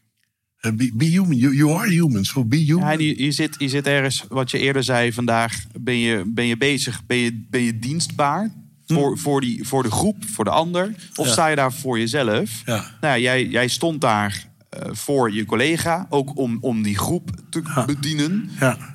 En, en, en we zijn allemaal mensen. En op het moment dat je dus die kwetsbaarheid, die menselijkheid deelt, dan is dat natuurlijk misschien wel de, de bijvangst. Terwijl dat het daar niet om gaat. Maar dat is natuurlijk de snelste route naar verbinding. ja, of misschien juist wel. Of misschien is dat wel, ja, ja, wel het doel. De goed doelen. En Want vaak, ik ben wel eens weggelopen. Ik ben op zoveel congres waar ik sprak. Ik even naar een collega kijken. En hoe vaak mensen dan... Hè, laat ik beginnen iets over mijzelf te vertellen. Oh, oh, oh. niet doen. N- nooit doen. Tenzij het functioneel. En om te beginnen vraag je dan toestemming. Altijd toestemming. Vind je het goed als ik je iets goed? Ja. En zelfs nog dan. Het is zo boring. Als mensen naar je toe komen. Of ze hebben je gegoogeld. Zoals ik jou gegoogeld heb en jij mij. En dat is respectvol. En dan heb je gewoon juist. Je. En ook niet, nou dan niet.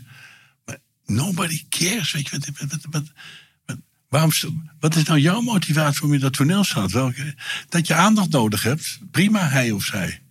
Maar misschien is er een andere manier hoe je dat beter kan doen... dan nou de tijd van iemand te verpesten met Ja. 10 minuten.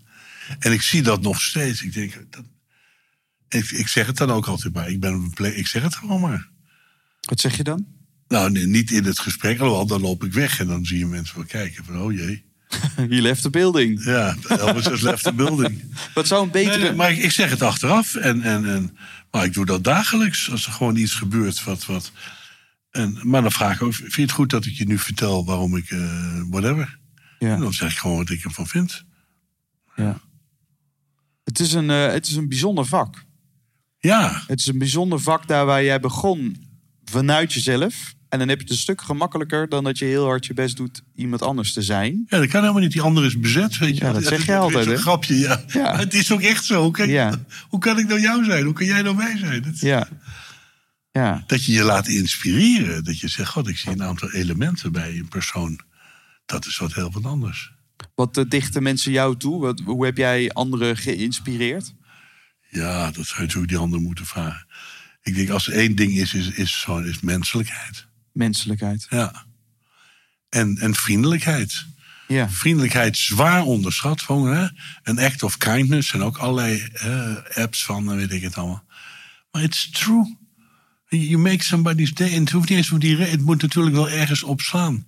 Zit die mevrouw die aan het schoonmaken was. Weet je, de- en niet dat ik het... Die, die, die, ik weet wat er nou gebeurt. Maar je gaf er een compliment. Ja. Ja, ze stond ervan te kijken. Ja, en terecht. Ja, maar ik doe het niet alleen. Ik denk, nee, dat weet ik wel. Maar het is fantastisch wat u hier doet. Ja. En dat is ook zo. In, Kost je niks. Nee, maar dat geldt voor de meeste dingen. Nee. Als ik, als ik ergens kwam, waar het ook was. Eerste mensen die ik bedank. En, en, en, en eh, zijn natuurlijk de mensen met wie je het daar doet. Hè, die op het juiste moment het licht aan en uit moeten doen. Of de muziek. En, en dan zeg ik ook, ja. Je, je bent minstens zo cruciaal. Waarschijnlijk crucialer dan ik. En ik vind het fantastisch. En als je het goed vindt, gaan we even nu rustig doorlopen. Want er is in een bepaald momentje. Weet dan, dan zak ik een kaars aan. Prachtig in het theater. Hè, dan een kaars Dan gaat het over. Hè? Iedereen zegt ja, eerst geloven dan zien. Klopt dat? Ja, dat klopt. Zegt iedereen, oké. Ik zeg, nou, we gaan het testen. Steek ik een kaars aan, je kan het je nu voorstellen. En op het moment dat ik een kaars aan gaat al het licht uit. Dus dat was heel. Je ziet daar die, dat vlammetje, dat bij gezicht zo half erboven. Ik zeg, we gaan nu met elkaar, we geloven dat we het vlammetje uit kunnen denken. Oké, dus we gaan het nu uitdenken. Iedereen meedoen. U doet nog niet mee. Dat, dat, dat weet ik niet. Dus de hele energie kapot. Weet je, als het zwart de schakel. Dus lachen. Ook, dus, en, en, oh, ogen open, ogen dicht, maakt niet uit. Vlammetje gaat natuurlijk niet uit. En dan zeg ik, nou, er zijn maar twee manieren waarop het vlammetje uitgaat. A, ik blijf hier nog 4,5 uur staan en u blijft zitten. Maar dat lijkt me niet helemaal passen bij het programma. En B was de tweede manier. En dan de hele zaal. Blazen. En er zit een... Dan pats, weet je wel. Weer Gaat alles weer aan. Ja, dus het is ook een prachtig gezicht natuurlijk. Maar dat lukt alleen maar als die mevrouw of meneer... die bij dat knopje zit, dat precies goed doet. Ja. Dus het is niet alleen... Ik ben, ik ben ook dankbaar. Het is misschien een beetje manipulatief, maar in de positieve zin. Maar het is heel functioneel. Ja. Ik word gewoon betaald dat daar een professioneel iets gebeurt. En alleen dat, dat, die twee minuten... Mensen herinneren dat de is een beetje magisch. Ja, Ja. Die, vergeten dat nooit meer. En hoe, hoe komt dan tot slot, want eh, we zitten nu wel al bijna anderhalf, eh, we zitten al aan anderhalf uur. Oké. Eh, hoe komt zoiets tot je? Dat idee, Nou. is dat, is dat, verzamel je dat in, in, in, in al die seminars die je zelf hebt bezocht? Of Ja, bedenk je dingen veel zelf? Ik bedenk ook wel dingen zelf. Nee, maar ik denk dat 19 van de 20 heb ik ergens gezien. Ja, En heb ik dan ook gecheckt. God, waar heb jij het nou weer vandaan? ja, En eh, ze hebben bijvoorbeeld die kaars was een of andere, ik geloof NSE-congres of zo. Dat van watergarders waar ik was uitgenodigd. En Ja. Ik denk, nou, dat, dat is fantastisch. Want, want de, de boodschap is dan, als je geen actie neemt, gebeurt er niks. precies. Ja. Dus erin geloven, is het wat ik wil. Dan neem je actie en dan zul je het zien. ja, soms is het, werkt het ook gewoon pragmatischer. Eh, kennis is niet macht, toegepaste kennis is macht. Ja, dus een wetenschap, leuk. Het weten staat op het schap. Maar Ja, dan kun je niks. mee. Ja, weten, weten staan op het schap. Ja, dat doen de beste sprekers van nu. Die, die gebruiken, die spelen met taal. Ja. Die, die, die verwarren een beetje de geest. Die schudden als het ware die bomen een beetje op. Ja. Waardoor natuurlijk weer eh, nieuwe inzichten, het kwartje vallen. Nou, in Ja. dit geval eh, valt er een appel of een andere vrucht. Eh, maar, maar dat is toch dan het vak. Ja. Dat is waar je voor je, voor wordt betaald. geschenk wat ik nou door het als gekregen heb. Mm, Ja, lastig van jezelf te zeggen. Maar ik, ik heb een behoorlijk stevig zelfvertrouwen. Er moet al wat gebeuren. En daar kom ik niet vandaan. Nee, Ik kom echt niet uit een achtergrond waar dat... eh, waar, het, waar je jezelf op de ja, borst klopt. Ik heb enorm eh, leren communiceren. Eh, ik kom aan de achtergrond, hè, dus mijn ouders, hè, de Joods achtergrond, niet, niet religieus, maar de rugzakjes. Moeilijk om emoties te uiten. De, de traditionele Chinese achtergrond. Niet heel emotioneel. Ook niet, hè, uit het eh, communistisch China gevlucht, gezwommen naar Hongkong, et cetera. Dus we hadden een hele goede relatie. We hadden zelfs, of zelfs, we hadden één uur per week een afspraak om over het zakelijke te praten. Want we deden het bedrijfje samen en één uur over privé. Lukte niet iedere week, maar lukte best goed. Ja. En dus Mary overlijdt en eh, Ingeborg op mijn pad, nou, die is psycholoog en relatietherapeut. Nou, haar business is gevoelens en emoties en verbinding. Dus ik ben in een emotionele groei gekomen. Dus dat is toch relatief onlangs, een afgelopen tien jaar gebeurd. Ja, dat is na het overlijden uit van ja. Wat bijzonder. Ja. En eh, nou, dan geven wij weer trainingen over de hele wereld. Dus Ja. terugkijkend op die vier vragen, wat is er leuk aan, had ik al even gezegd. Maar dat is zij op mijn pad gekomen. En de contributie is dat we nu Safe zien supported met een enorme motivatie in de wereld Ja, je hebt nu niet alleen mind power, maar koppelpower. Ja, Waarin je eh, koppels begeleidt. ja, over de hele wereld. Ja, En, eh, ja, dat, het- en, de, dus die, die, en die groei houdt nooit op. En er komen steeds nieuwe dingen. Hè. We zijn er grootouders geworden, dat is natuurlijk fantastisch. Hè. Dat mooi. is een magneet die er aan de muur hangt. En die zal normaal gesproken langer hangen dan ik hier nog rondloop. Dus dat is altijd maar weer nieuw. Dat is zo fantastisch. Een aantal andere dingen sluit je langzaam af. Ja. Dat doet iedereen. Hey, je bent nu 72, Glent is long- jong. Ja, en dankjewel. Waar, waar, waar- is er nog iets wat nu in de pijplijn zit waar je nu mee bezig bent? Eh, Zijn er nog ambities of is het vooral genieten van het moment nu? Nou, het is, be- ambities is misschien een te groot woord. Maar de, de enorme kennis en ervaring en een klein beetje wijsheid die ik heb, die wil ik wel blijven doorgeven. Dat gaat nu vaker in wat kleinere groepjes en vaak ook één op één en mensen iets weer doorgeven. Dat zal niet meer met eh, die enorme zalen en, eh, Nee. en eh, theaters vol zijn. Maar dat wil ik wel blijven doen. Ik vind het zonde als dat verloren gaat. Ja. Want er zijn heel veel trainers en coaches en sprekers. Maar er zijn er, ja, sorry dat ik dat zeg, lieve mensen allemaal, maar er zijn er maar weinig hele goede.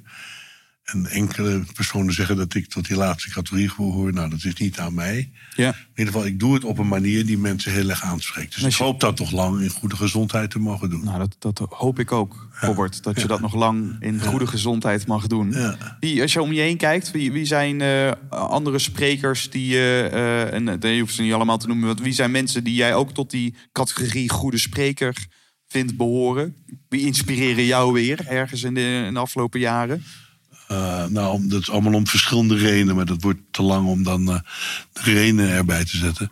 Maar je noemde Jos Burgers bijvoorbeeld. Hè, dat vind ik ook iemand die eh, ja, vanuit een veel diepere plek dan dat het lijkt zijn verhaal houdt. Ja, lijkt zo eenvoudig, waarschijnlijk. Ja, en dat is dus vaak het geval.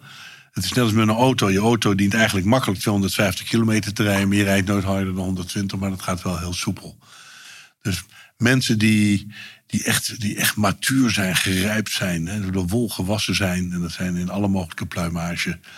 Dat, dat, dat voel je. Hè. Je voelt die statuur en die persoonlijkheid.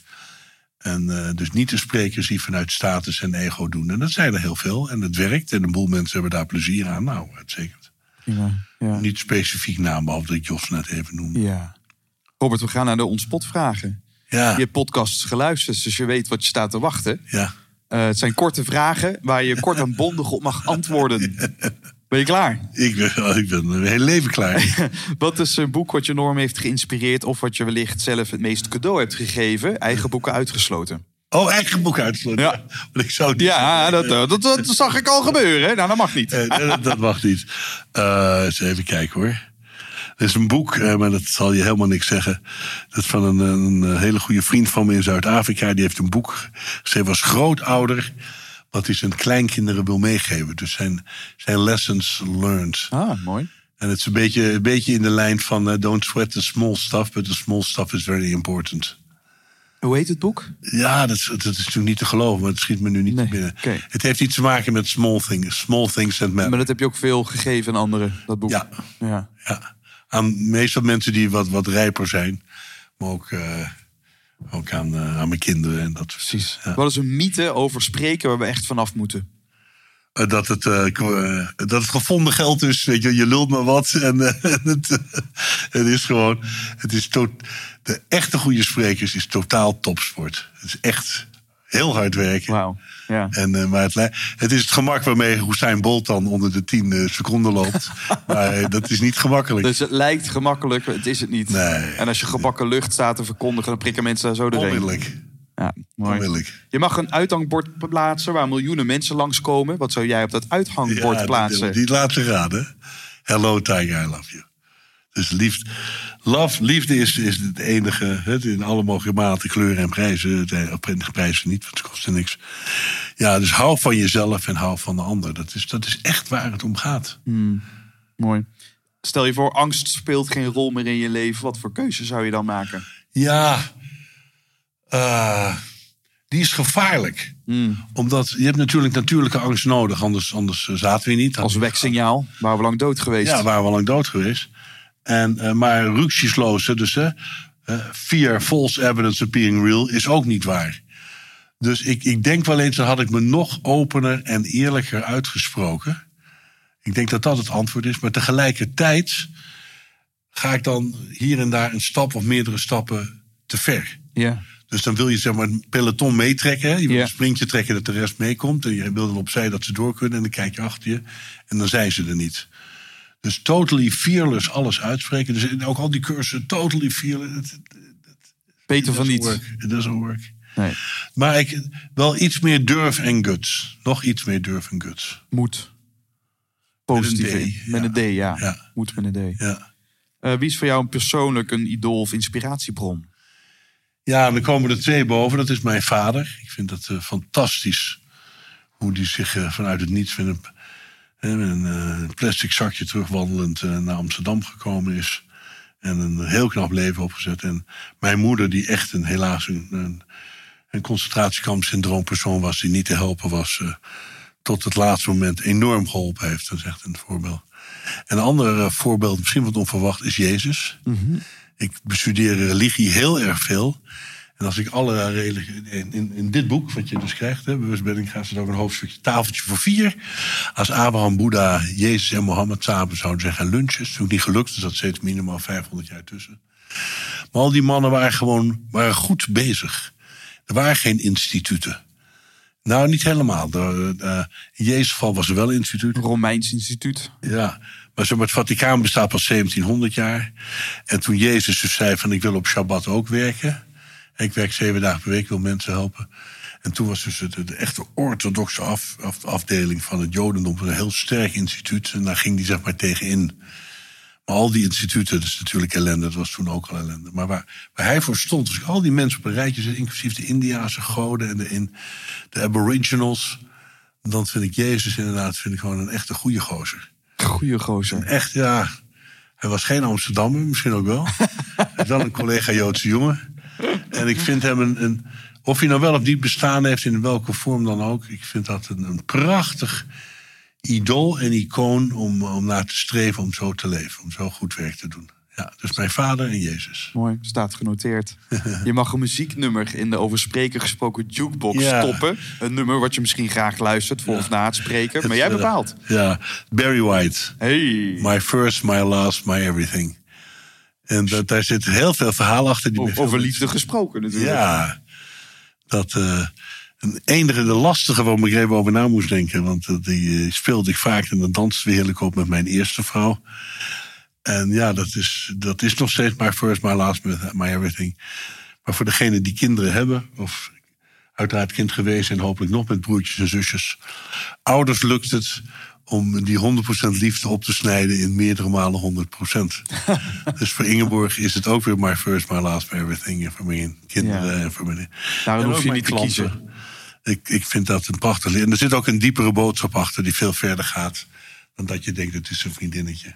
Ja. En een heerlijk nummer, gewoon een fantastisch nummer. Ja. En ik denk ook wel belangrijk, je snijdt er toch wel iets belangrijks aan met Ingeborg. Het vraagt ook wel iets van haar om iedere dag opnieuw herinnerd te worden aan je eerste vrouw. Fantastisch En dat dat noem dat je iedere dag. Nou ja, als, als het gaat over ego, die, Ja. die, die moet je liefdevol eh, in de Ik koelkast moeten niet kunnen iedere dag. Als ieder moment dat ik aan haar denk daarover zou praten, dan is dat te veel. Maar gelukkig is zij dus een buitengewoon mature hè, psycholoog en relatietherapeut, ik al zei. Dus zij snapt dat. Ja. Ik heb vrienden die helaas ook hun partner verloren zijn.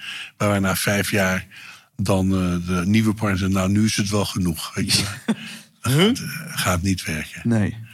De laatste vraag is de college toevraag. Je refereerde er al aan. En dat is, eh, je mag een beginnend spreker een, een tip meegeven. Wat zou een mooie eerste stap zijn? Ja, dan herhaal ik misschien op een andere manier wat ik al eerder gezegd heb.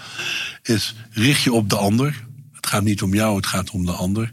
En wees dan dat die, weet dan dat die ander jij is. Want we zijn allemaal dezelfde ultieme energie. Eh, ja, omhels het hele publiek. Al voordat het publiek is en daarna, dus de hele ruimte. Stel positief retorische vragen, waardoor je mensen verbindt. Als het mogelijk is, geef iedereen een handje. Eh, kom met metaforen en met accessoires die uh, mensen heel makkelijk herkennen en uh, daar hun eigen verhaal in kunnen vinden. En last but not least, leef een leven waardoor je in een hogere frequentie komt van liefde en overvloed en vreugde en dankbaarheid.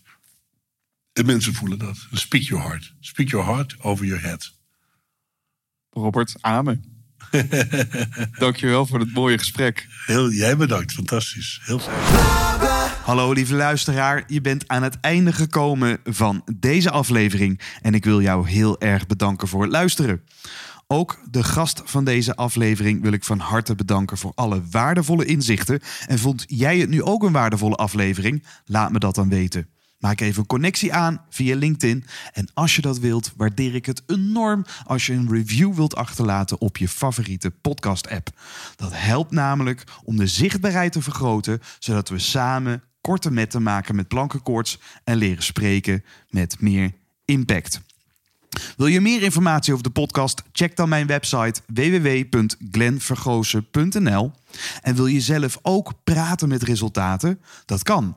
Ga dan naar www.desprekersregisseur.nl en meld je aan voor de gratis Online Sprekers Academy. Dit is een gratis online training met de negen beste lessen van twee jaar over spreken gesproken podcast. De missie van de Over Spreken gesproken podcast is om jou te helpen je stem te vinden, zodat jij anderen kunt inspireren datzelfde te doen. Ik wil je heel erg bedanken voor het luisteren en graag tot de volgende aflevering.